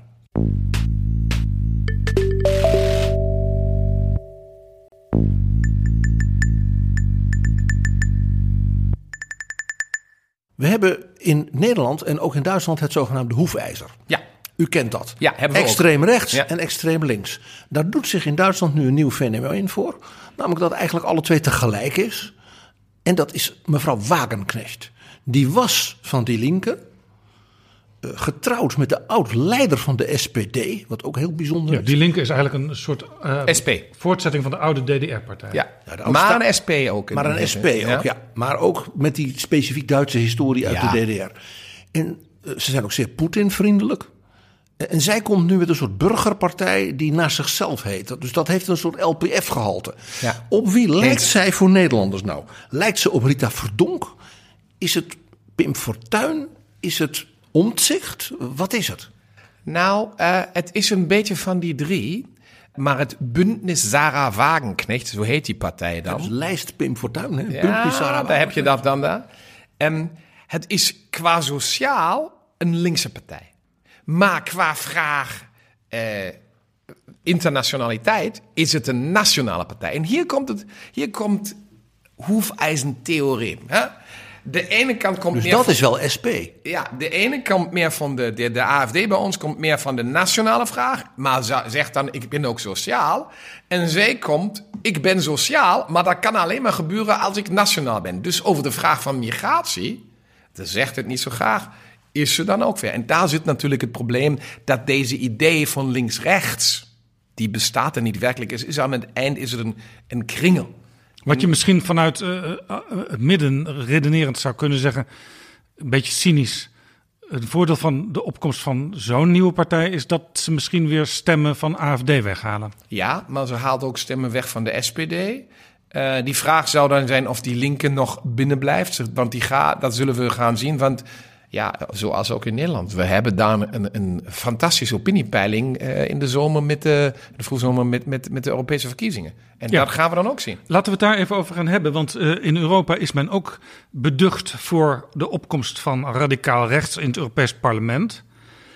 We zien Donald Trump, die afgelopen weekend een toespraak heeft gehouden, waarin hij eigenlijk zei: eh, ja, die Europese landen die niet voldoende aan uh, defensie bijdragen, die niet aan de NAVO-norm voldoen, die hoeven en niet, ook onze vliegtuigen die hoeven ook niet te rekenen op onze hulp als de Russen binnenvallen. Sterker nog, ik zeg tegen Poetin, Pak wat je ga je kan. gang maar.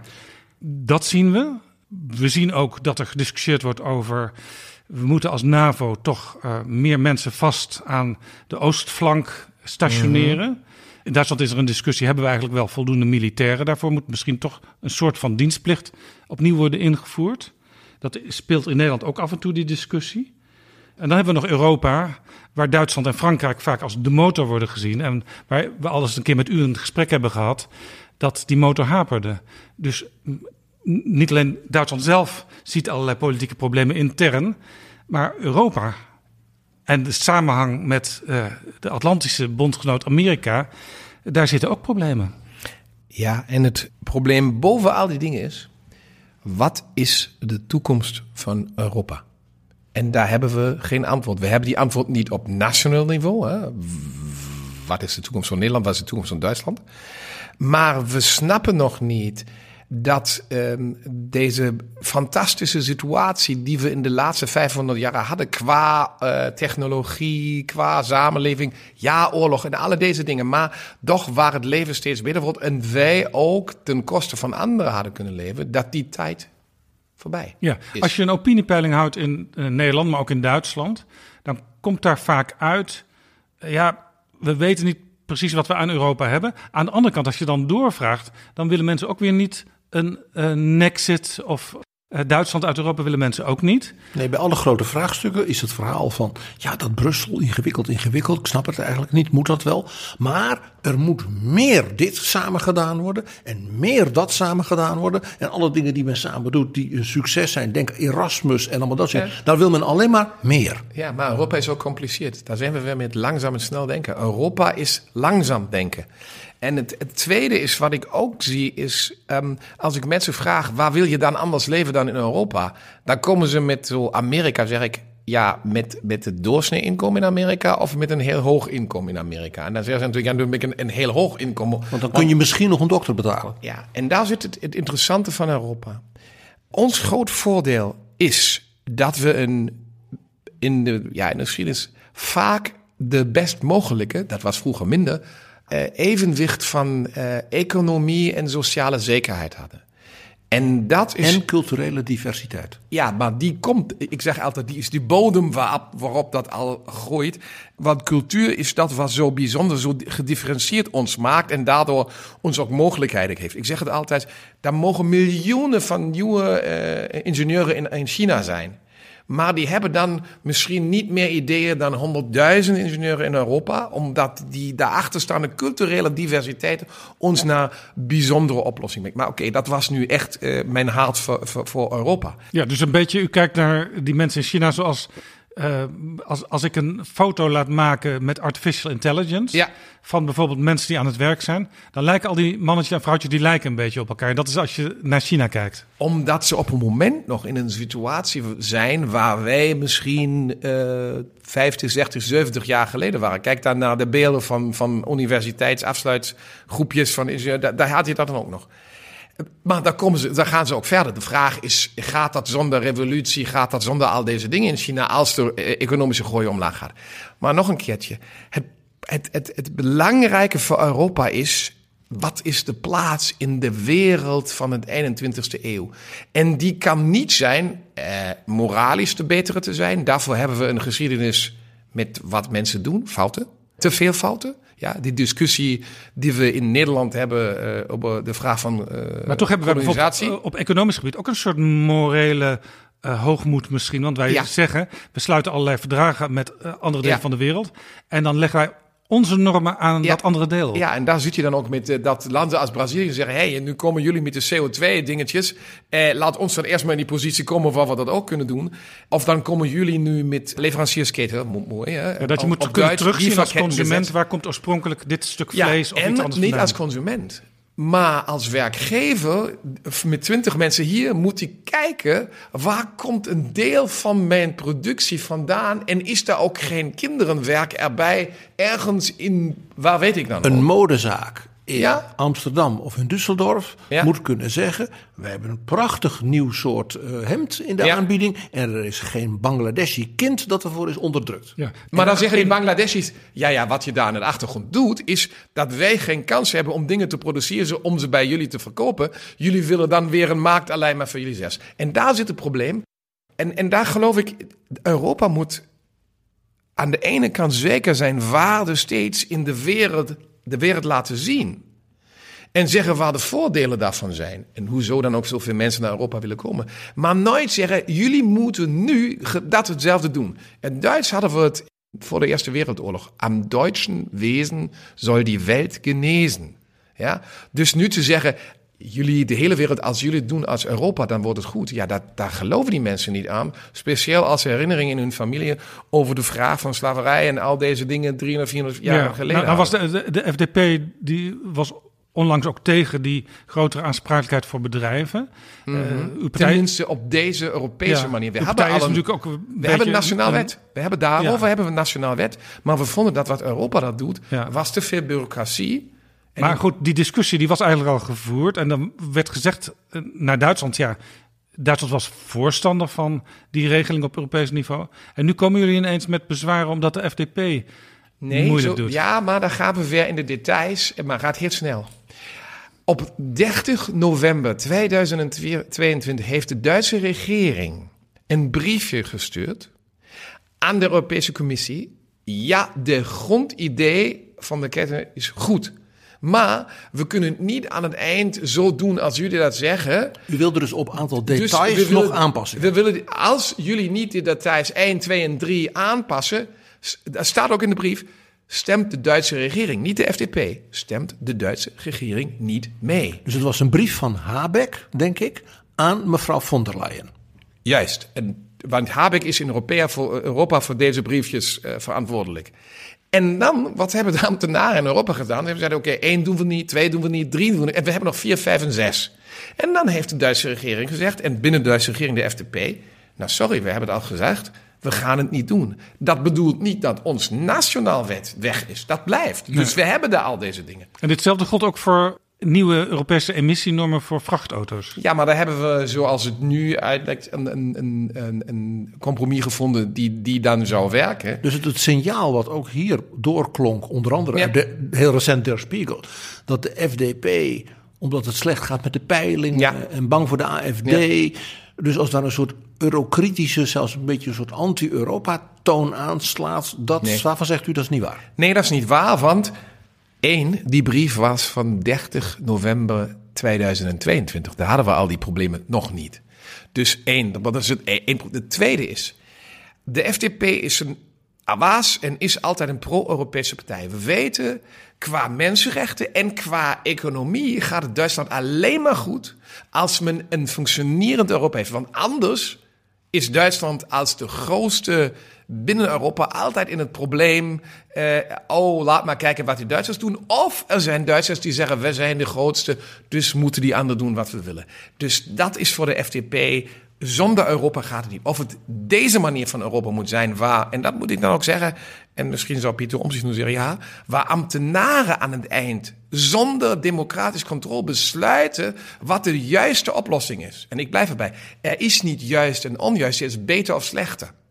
En dan zeggen, ja, is formeel alleen maar dat een regering dan toestemt en niet. Nee, aan het einde is democratie en dan zeggen we, we hebben een 22 gedaan, dus Europa, ja, we willen, maar in die richting. We hebben ook niet gezegd, we willen niets van Europa bij eh, deze keer hebben. We hebben gezegd, deze manier niet. Ja, die verkiezingen in Europa die zijn in juni. Mhm. We hadden het straks over de, de, de kiesdrempel die regionaal en nationaal een probleem kan zijn.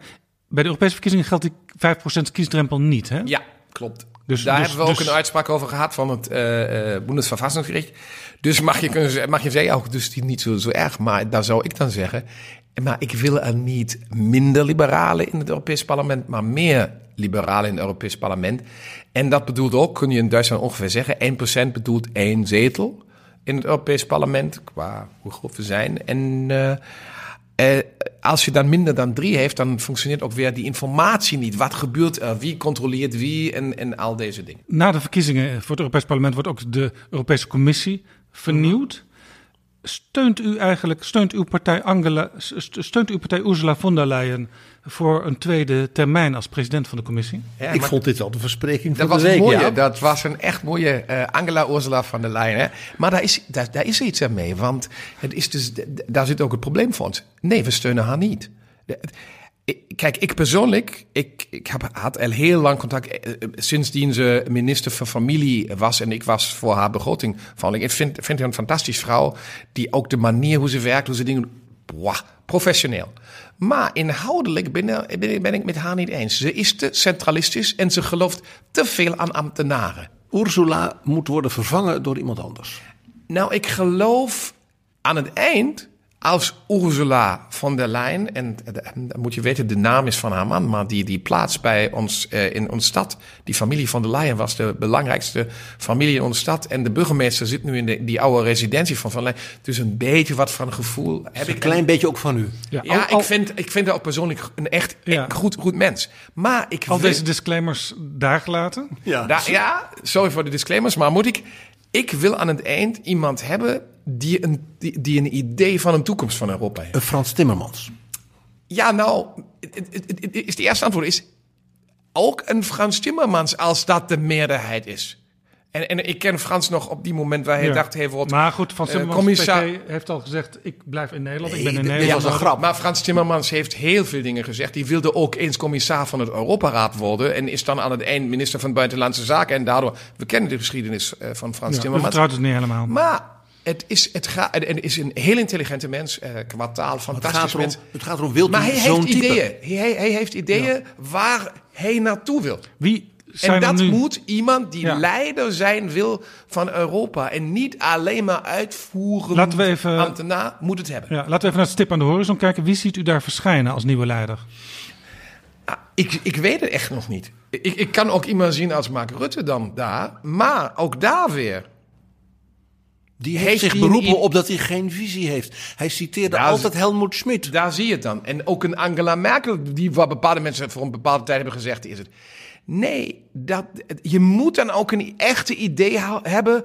Dan mag het zo zijn, je heeft die idee en dan krijg je alleen maar 20% daarvan door. Maar geen idee te hebben en daarvan dan 100% door te krijgen. Ja. ja Nou geloofde u natuurlijk Mark Rutte niet toen hij dat zei. Eh, kijk eens, ik geloof iemand als Mark Rutte, die nu zo lang is en nu ook de langstaande eh, minister-president zonder meerderheid in het parlement is. Die is zo professioneel, die weet bijna alle tijd waarom die wat zegt. Hij kan altijd de machine draaiende houden door zijn manier van functioneren. Ja, en hij snapt natuurlijk ook actie en reactie heel goed. Kijk eens, en, en daar, daar zit dan de vraag van Europa. Waar, wat, wat is die reactie van mensen? Die zeggen nu, ja, gaan we kiezen en wie gaat dan wat doen? En dan hebben we iemand waar we geen gevoel hebben. We hebben ook geen, ja, hebben we een Europese eh, ja, krant? Hebben we een Europees radiostation? TV? Hebben we niet. Hè? We hebben wel Arte, een, een Duits, Frans tv, prachtig. Ja. Maar Maar al- en, als het al het dan? enigszins is, je hebt ook Politico, maar dan is het toch maar een, Ja. een 0, zoveel procent van de mensen die dat volgt. Wij drie en natuurlijk ieder luisteraar van ons. Ik citeer, en dat, dat weet Jaap zeker, en jij ook wel, Otto. Natuurlijk altijd heel graag Jacques Delors, hè, om vele redenen. Die altijd zei, op een interne markt word je niet verliefd. Ja. En hoe nodig die is en hoe belangrijk. Hij heeft natuurlijk ongelofelijke verdiensten. Hè, dat moeten we toch nog een keer even zeggen, zo kort na zijn dood. Ja. Maar dit was ook de Fransman Delors, hè, die dus zei, waar klopt het hart? En dat is niet voor een interne markt. ja, bij Franse mensen, en ik heb een Franse grootmoeder, moet je altijd opletten. Want ze beginnen met pour le gloire. En dan moet je opletten. Zegt hij dan de la nation? Of eh, la gloire européenne? En daar zit natuurlijk met, met Frankrijk het probleem. Het is nog steeds een heel trots land op nationale dingen. Ja? Voor Frankrijk is Airbus een Franse bedrijf. Voor Duitsland is het een Europees bedrijf. Maar het is een Franse bedrijf natuurlijk. En de Ariane-raket moet ook Ariane heten. En Ja. dat is niet naar de Nederlandse prinses, Nee. maar dat moet Frans klinken. Ja, dan was het dan, eh, moet de volgende raket dan Amalia heten. Of, eh, Even nog, eh, even plagen natuurlijk. Wie moet Charles Michel opvolgen? Want u bent een Europees liberaal. En ik denk dat ook u zelfs wilt erkennen dat dat nou geen succes was. Ja, we moeten misschien even een het kadertje omheen. Na de Europese verkiezingen nieuwe commissie, maar ook een aantal andere posten die worden Mhm. vernieuwd. De vorige keer na de verkiezingen was Charles Michel. De liberale Belgische premier. Ja, Die dus, dus- de plek kreeg. De liberalen moesten ook iets hebben, om het even onaardig te zeggen. Daar gaan we weer, ja. En daar werd dat. Ja, en ik, mag ik nog één eh, erbij doen? Deze keer is het ook de vraag, eh, komt er nog de secretaris-generaal van de NAVO erbij? Wordt het een vrouw, wordt het een man? Welke politieke familie is erbij? Conservatief, sociaal-democratisch, liberaal? En ik geloof het moet aan het eind zo zijn dat we mensen daar hebben in die posities de- die met de wereld kunnen communiceren. Want daar zijn we dan weer bij de vraag wat Europa is. Is het een land dat, eh, is het een, een continent die- naar binnen kijkt? En bang is. Ja, en bang is, dan gaan we En verliezen. vergrijst. Of zijn we een continent die zegt, hey, we are the new world. We zijn het hoe het in de toekomst zou zijn. Want geloof maar niet dat de, de manier van we gaan in andere landen en we worden eh, anywheres. Dat dat niet ook in andere landen zou gebeuren. In Zuid-Amerika op een bepaald moment.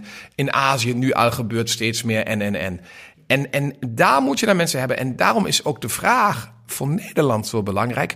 Want die hebben natuurlijk met Mark Rutte iemand die in de wereld kan gaan en zeggen: Hé, hey, beste mensen, ik ben het weer met deze keer in een andere positie. Ja. Moet niet. Nee. Maar ik vond, het, ik vond het altijd belangrijk dat Europeanen, als ze ergens naartoe komen, daar.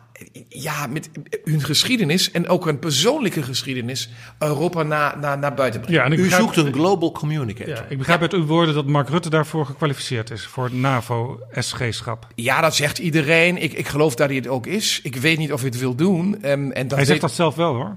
Ja, ik- kijk eens, ook daar weten we niet. Hoezo zegt hij dat? Zegt hij dat? Of, of is het dan ook een oplossing dat als de families van de conservatieven en de sociaaldemocraten niet een, een, een oplossing vinden voor de, voor de opvolger van von der Leyen, zeggen ze, ja goed, dan nemen we dan, dan, dan Mark Rutte, die zit buiten de, de fam- partijfamiliepolitiek. Ik weet dat helemaal Dit is niet. interessant, want u zegt dus eigenlijk, als ik u goed begrijp... Oké, Mark Rutte eh, wordt genoemd. Hij zegt zelf ook dat hij secretaris-generaal van de NAVO zou willen worden. Maar het zou nog zo kunnen gaan in die hele tombola... dat Mark Rutte ineens de pre- nieuwe president Ja, van de Europese nou, Commissie ik is. ben, Kijk eens, ik ben de kleine Otto Frikke die begroting doet. Maar en ik, ik snap...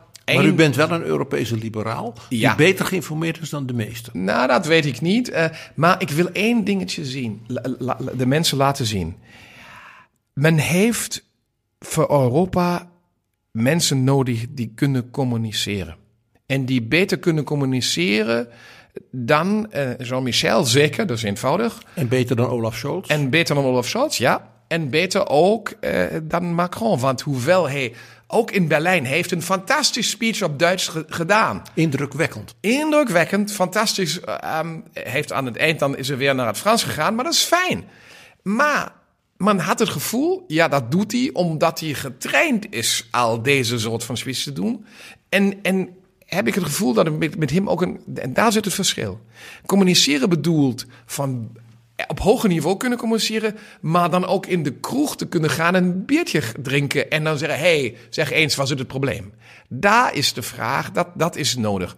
En dat weet iedereen, dat kan ook iemand als Mark Rutte. Maar er zijn ook tientallen anderen die het kunnen. Ja, maar u zegt eigenlijk dus eh, voor welke functie dan ook... Mark Rutte is de meest gekwalificeerde. Nou, ik, ik, ik zeg dat heel veel mensen zeggen dat hij de meest kwalificeerd is. Ik weet ook die discussie over hem hier. Ja, in, Maar- Ne- in Nederland zijn heel veel partijen, ook in de oppositie... Ja. die heel veel redenen hebben om Mark Rutte te disqualificeren. Ja. Maar zij zeggen als het gaat om eh, communicatie en eh, het oliemannetje noemen ze hem dan... Ja, en dan is Mark Rutte nummer één. Ja. En juist ook internationaal. Op Duits heb je dan Teflon, mannetje. Maar, daar- maar mag ik dan nog één zeggen? Het is natuurlijk ook, op Duits heb je het mooie, der Prophet gilt nichts im eigenen Land. Daar is een verschil. Hè? Zoals mensen kijken naar Angela Merkel als leider, zeggen heel veel Duitsers, nee, die heeft helemaal fout gedaan. En dat zie je natuurlijk ook. Voor mij als Europeaan is alleen maar de vraag, als een probleem is en ik stuur wie naar Zuid-Amerika als het over een overeenkomst gaat. Naar wie ga je luisteren, met wie ga je kletsen, spreken.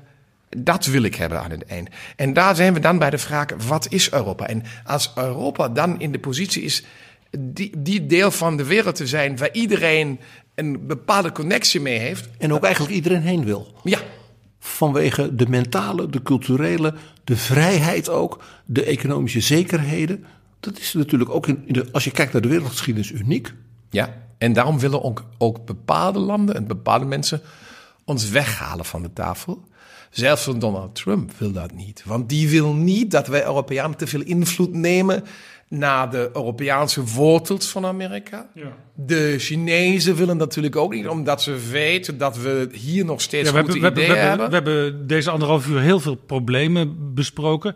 Maar dit is denk ik wel het grootste probleem wat ons kan gebeuren de komende tijd. Ja. Dat Donald Trump terugkeert in het Witte Huis met Poetin in Oekraïne.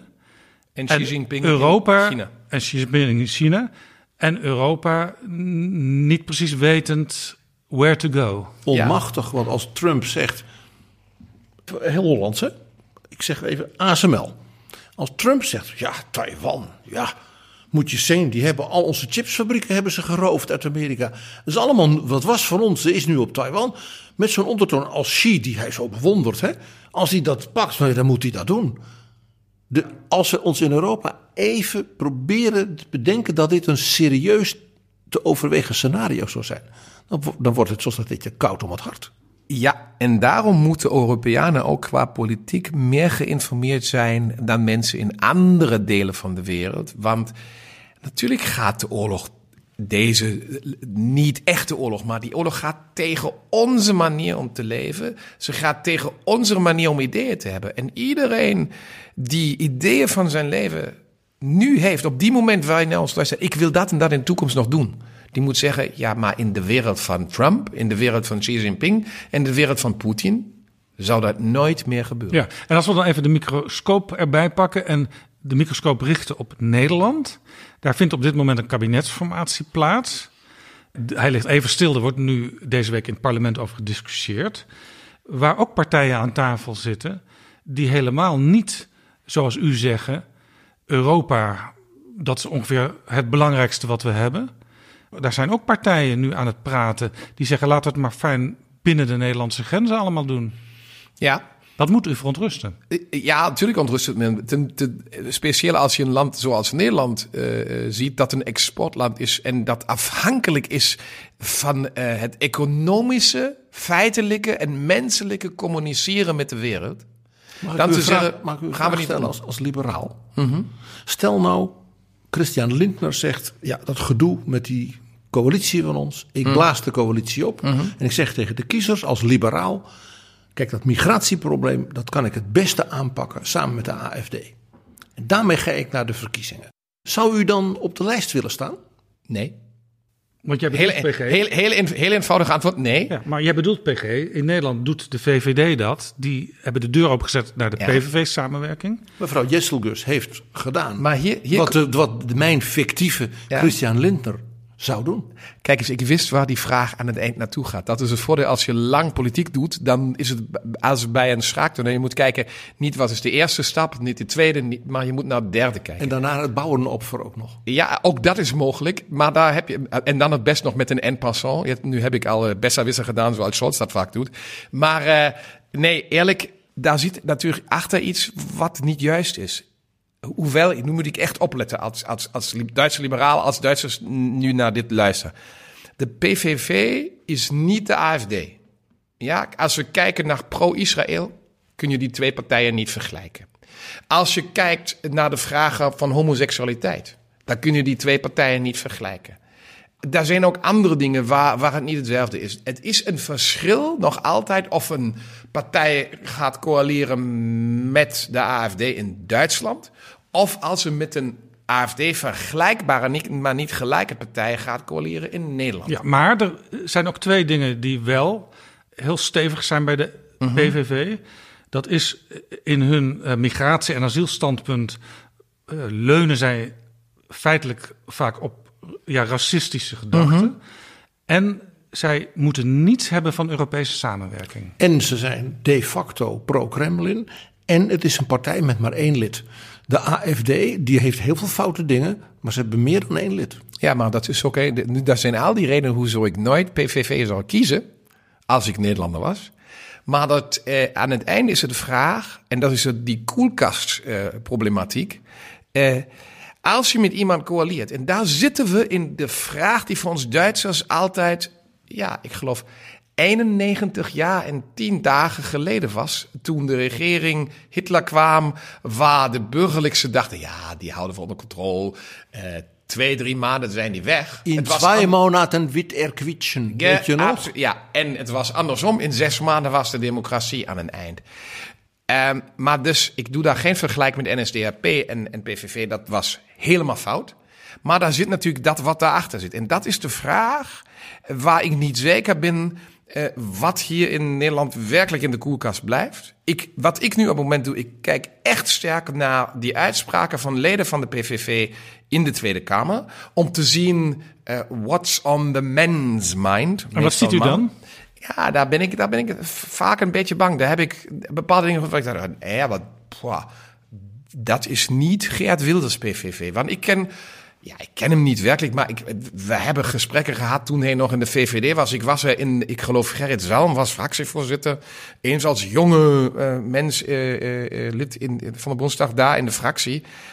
Dat is dan niet. En, en daar is iets wat voor mij zo. Jullie mogen, mogen nu zeggen: oh, dat is niet goed dat hij dat zegt. Maar de zekerheid dat de PVV geen AFD wordt en ook geen NSDAP, is de persoon van Geert Wilders.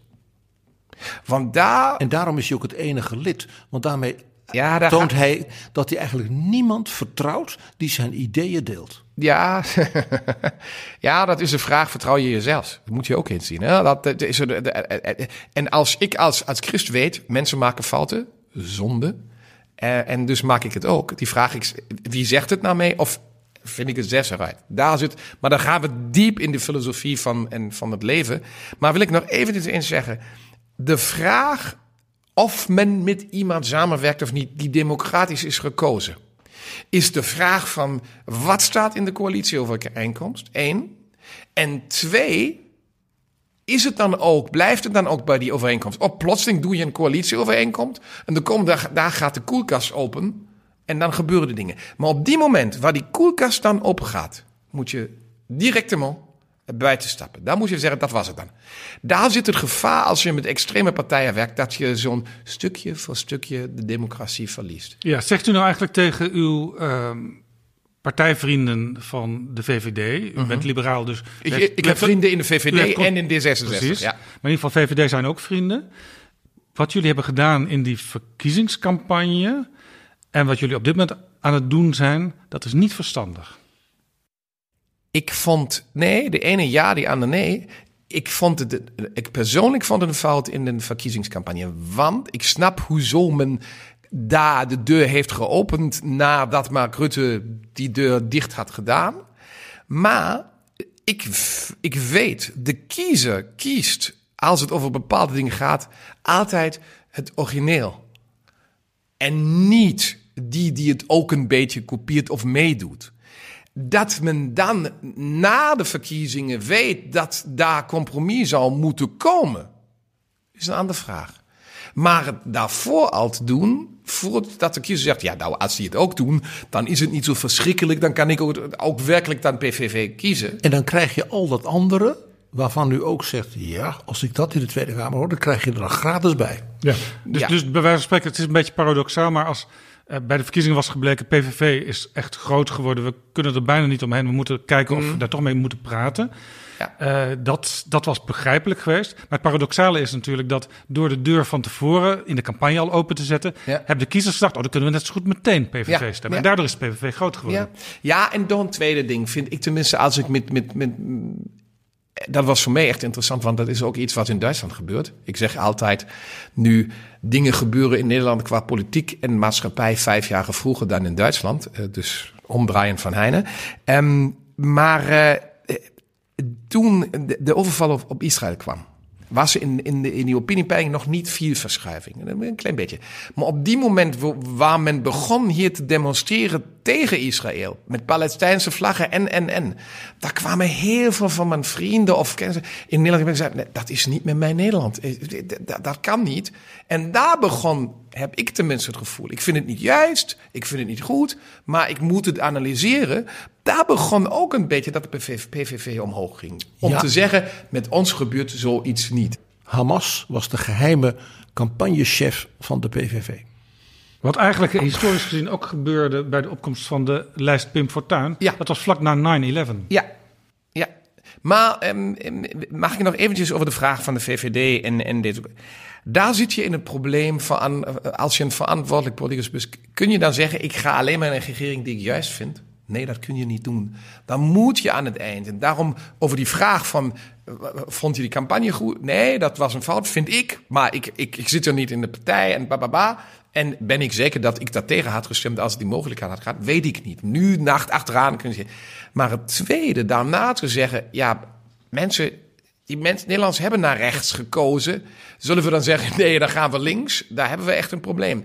Dus moet ik zeggen, oké, is het dan ook een deel van mijn verantwoordelijkheid, als ik deel van het democratisch proces ben, dan ook met een PVV over een coalitie of een gedoogsteun of wat dan ook te spreken? En daar zeg ik ja, want anders functioneert politiek niet. Hoe schadelijk zou ook voor de relatie met Duitsland zijn? En breder in Europa een kabinet gedomineerd door de PVV. Min of meer dan nog gedoogd door de VVD. Dus de VVD heeft niet eens bewindslieden. Hoe schadelijk zou dat zijn? Qua in het begin, in, in, in het begin heel schadelijk. Want, eh, en, en dat is voor mij, eh, omdat iedereen weet, oké, Otto doet Nederland, die is een beetje eh, Nederlands gek, zeggen ze daar. Ehm, maar nu zeggen ze, eh, Otto, eh, kun je een beetje verklaren wat daar gebeurt? En eh, die Wilders, is die zo'n hukke? En dan moet ik eerst verklaren, nee, is die zeker niet. Maar natuurlijk is die recht. Ja, maar... en dan verklaar je dat een beetje. Dan moet je, moet je deze dingen verklaren. Maar dan zeg ik iets waar misschien enkele mensen zeggen, dat is niet zo goed. Maar wat is dan met mevrouw Meloni in Italië gebeurd? In het begin, oh nee, gaan we helemaal niet. Dat is een, een, fascist, gaan we niet. Ba, ba, ba, Met, met Salvini ook nog. Ja, en dan gaan we niet meer spreken. En nu realiseert men, ja, moet je mitspreken. En al die verteufelingen, zeg je zo mooi eh, op Duits, eh, eh, dat ze een duivel is, dat is, ze is rechts, ze is verrechts. Ik vind het ook niet juist wat ze doet, maar je kan wel toch met, met haar onderhandelen. Ja, het interessante is dat, dat onze Mark Rutte een hele goede relatie met haar heeft. Politiek, zeg maar, binnen Europa. Ja, en daar, daar, heb je het dan weer. Je mag dan zeggen, nee, ik spreek niet met die, dan doet ze wat ze wil. Of men, men neemt hem mee naar Europa, en daar zitten we dan weer. Communiceert met haar en laat haar dan deel van Europa worden. Maar men moet dan ook realiseren, het volgende Europees parlement wordt rechtser dan het oude. En ik vrees dat het mede daarbij een beetje verdwijnt en niet het linkse. Ehm, en daar zit voor mij natuurlijk dan het grote probleem waar we in de toekomst moeten kijken. En dat bedoelt dan ook als er een minister-president Wilders was. Ik geloof er niet in. Ik geloof die moet in zijn fractie blijven. eh overigens, dat snappen de Duitsers ook niet. Die weten niet dat als je minister-president wordt, ben je buiten het parlement. Bij, bij ons, ik vind het som, daar vind ik Nederland weer goed. Bij ons blijf je lid van de Bondsdag. Bijna 90% van de kabinet zijn ook leden van het parlement. Stemmen dus over de eigen regering af. En ja, die stemmen dan natuurlijk niet, niet, niet met nee. Ehm, dus ik geloof niet dat hij dat hij blijft. Maar eh, dat is een vraag weer meer van... Als ik Duitser was in een Duitse partij en ik heb zo'n fractie... zou ik zeggen, ik blijf dan beter in de fractie... Dan, want ik moet die onder Ja, maar blijft, blijft dus een lastig ding, hè? ook vanuit uw gezichtspunt. U zegt, ik begrijp wel dat de VVD nu praat met de PVV, Mhm. maar wat daar dan uitkomt en hoe je daarmee moet omgaan, dat, dat blijft dan wel een vraagteken. Want Ja. de leider van de PVV, daarvan zegt u zelf, ja, die gaat niet het kabinet in. Dus je krijgt in het torentje een soort Nou, we- weten we niet. Wat is... Koch oder Kellner. Nee, Ja, eh, meestal dan eh Kellner. Hè? Ja. en, en, en kijk eens, ik kijk dan naar cijfers. Ik kijk waar gaat de begroting naartoe? Hoeveel wo- wordt voor wat betaald? Is het, wordt het deficit groter? Hoeveel, wat doen ze bij de vraag van migratie? Doen ze daar extreme dingen? Of gaan ze aan het eind alleen maar die dingen doen die men wil, maar sneller en een beetje scherper? of helemaal anders. Ja, uw blik eigenlijk, eh, als het gaat om het financiële beheer, dat die blik die werd in de formatie uiteindelijk gedaan door Pieter Omtzigt. En die zei, Ja. dit vertrouw ik niet, ik stap Ja, eruit. en, en daar, daar zit die interessante. Begroting, daar kun je alle dingen zien hoe ze werkelijk zijn qua, qua wat mensen beloven en wat ze doen. Men kun je zien, wordt werkelijk zoveel geld uitgegeven? Worden werkelijk die tanks gekocht? Is, steunt men werkelijk Oekraïne? Gaat men werkelijk met migratie iets doen? En, en, en. Maar mag ik even nog zeggen, ik kijk daarna ook naar de coalitieovereenkomst. Want dat is een beetje zo'n zo'n boekje waar je altijd kan kijken, werkt het of niet? En, en het tweede, nog een keertje, als dan Wilders iets zal doen wat tegen de overeenkomst zit, eruit, maar heel snel eruit. Want dat is het enige als je met extreme partijen gaat werken. Het staat daar, dat is de overeenkomst. En als je dat niet doet, was het dan ook. Dus in feite ga je dan samenwerken in een coalitie met een geladen pistool. Ja, misschien is dat zo met een geladen pistool. Of als ik altijd zeg, je gaat weg en dan is er geen meerderheid en dan kun je het ook vergeten. Dan mag dan weer die ophaalgeschiedenis komen. Oh, die hebben het tegen me gedaan. Maar dat moet je laten zien. Een van de grootste fouten van de FDP was toen 2010 Angela Merkel zegt, ja, dat met de, eh, in mei en met, met de belastingshervorming, is weg omdat we geen meerderheid meer in, in, in ons bondsraad, onze Eerste Kamer hebben, hadden we moeten zeggen, ja goed, dat was dan het eind van, van de coalitie. Want je, heeft de, je moet samenwerken, maar naar regels, als, als, als iemand die regels dan niet meer ziet, dan moet je zeggen, dat was het dan. Hoi, ik ben Alexander Klupping. Ik weet dat jij, net als ik, met heel veel plezier luistert naar betrouwbare bronnen. Maar je zou Jaap en PG echt helpen als je nu vriend van de show wordt.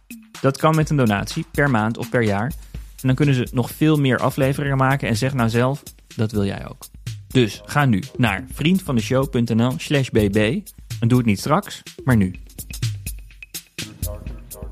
Laatste vraag. U kent Mark Rutte al heel lang.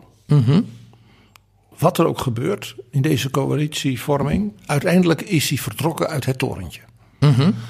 Als u aan Mark Rutte denkt, wat is nou de belevenis, het gesprek, misschien zelfs het kleine moment dat u zegt, dat zal mij mijn hele leven bijblijven? Het eerste was natuurlijk toen ik hem de eerste keer ontmoet. Toen was hij nog 2003, jong, nog helemaal niets van. Dus een van de redenen hoezo we op een eh, ja, contactniveau. Dat is natuurlijk ja, nee, niet zo, zo, zoveel mogelijk als, als bijvoorbeeld als leiders van. Ruim van 20 jaar geleden al. Ja, ja. Ehm, maar ik herinner me wel, ehm, hij was al minister-president en kwam eh, eh, van het, eh, het buitenhof langs de straat. Ik had van verdacht in zijn lievelings-Indonees restaurant. Soeboer Ja. of En Puntjak. ik ik geloof het punt, ja, maar ik, ben- ik ben er niet zeker, maar oké. Ehm, en hij kwam er tegenaan. En zo'n beetje, en daar zit het eerste. hey, Otto, wat doe je dan hier? Hij zegt, ja, kijken dat er niets met de minister-president gebeurt. Die er alleen toen nog langs wandelde. Een van de fantastische voordelen van dit land. In, in, maar ik geloof het is voorbij.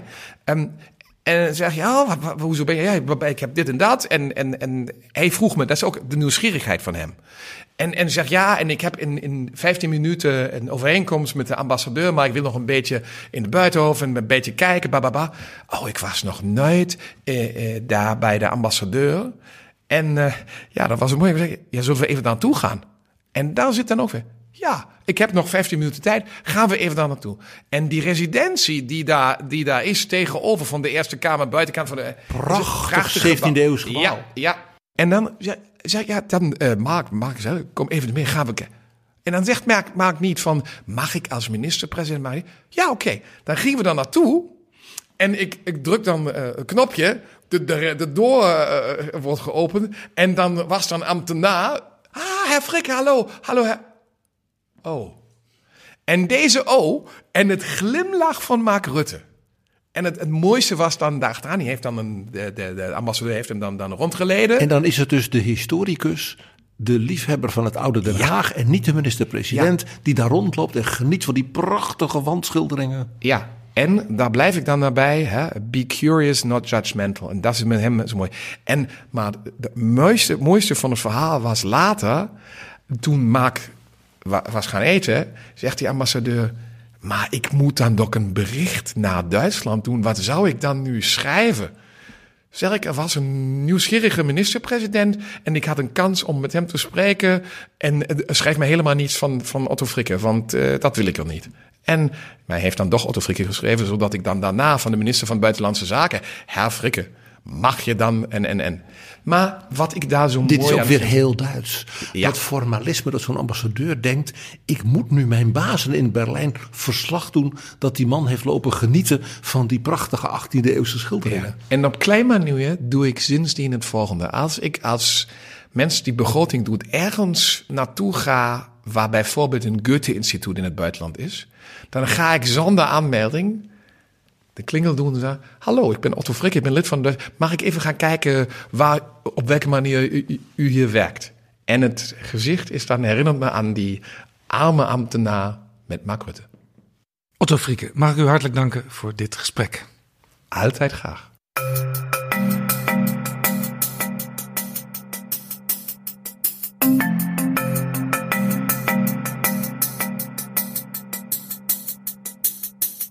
Zo, dit was Betrouwbare Bronnen, aflevering 399. Deze aflevering is mede mogelijk gemaakt door onze donateurs. Wil jij ons ook helpen? Ga dan naar vriendvandeshow.nl slash bb. U bent heel welkom. Tot volgende keer. Betrouwbare bronnen wordt gemaakt door Jaap Jansen in samenwerking met dag en nacht.nl.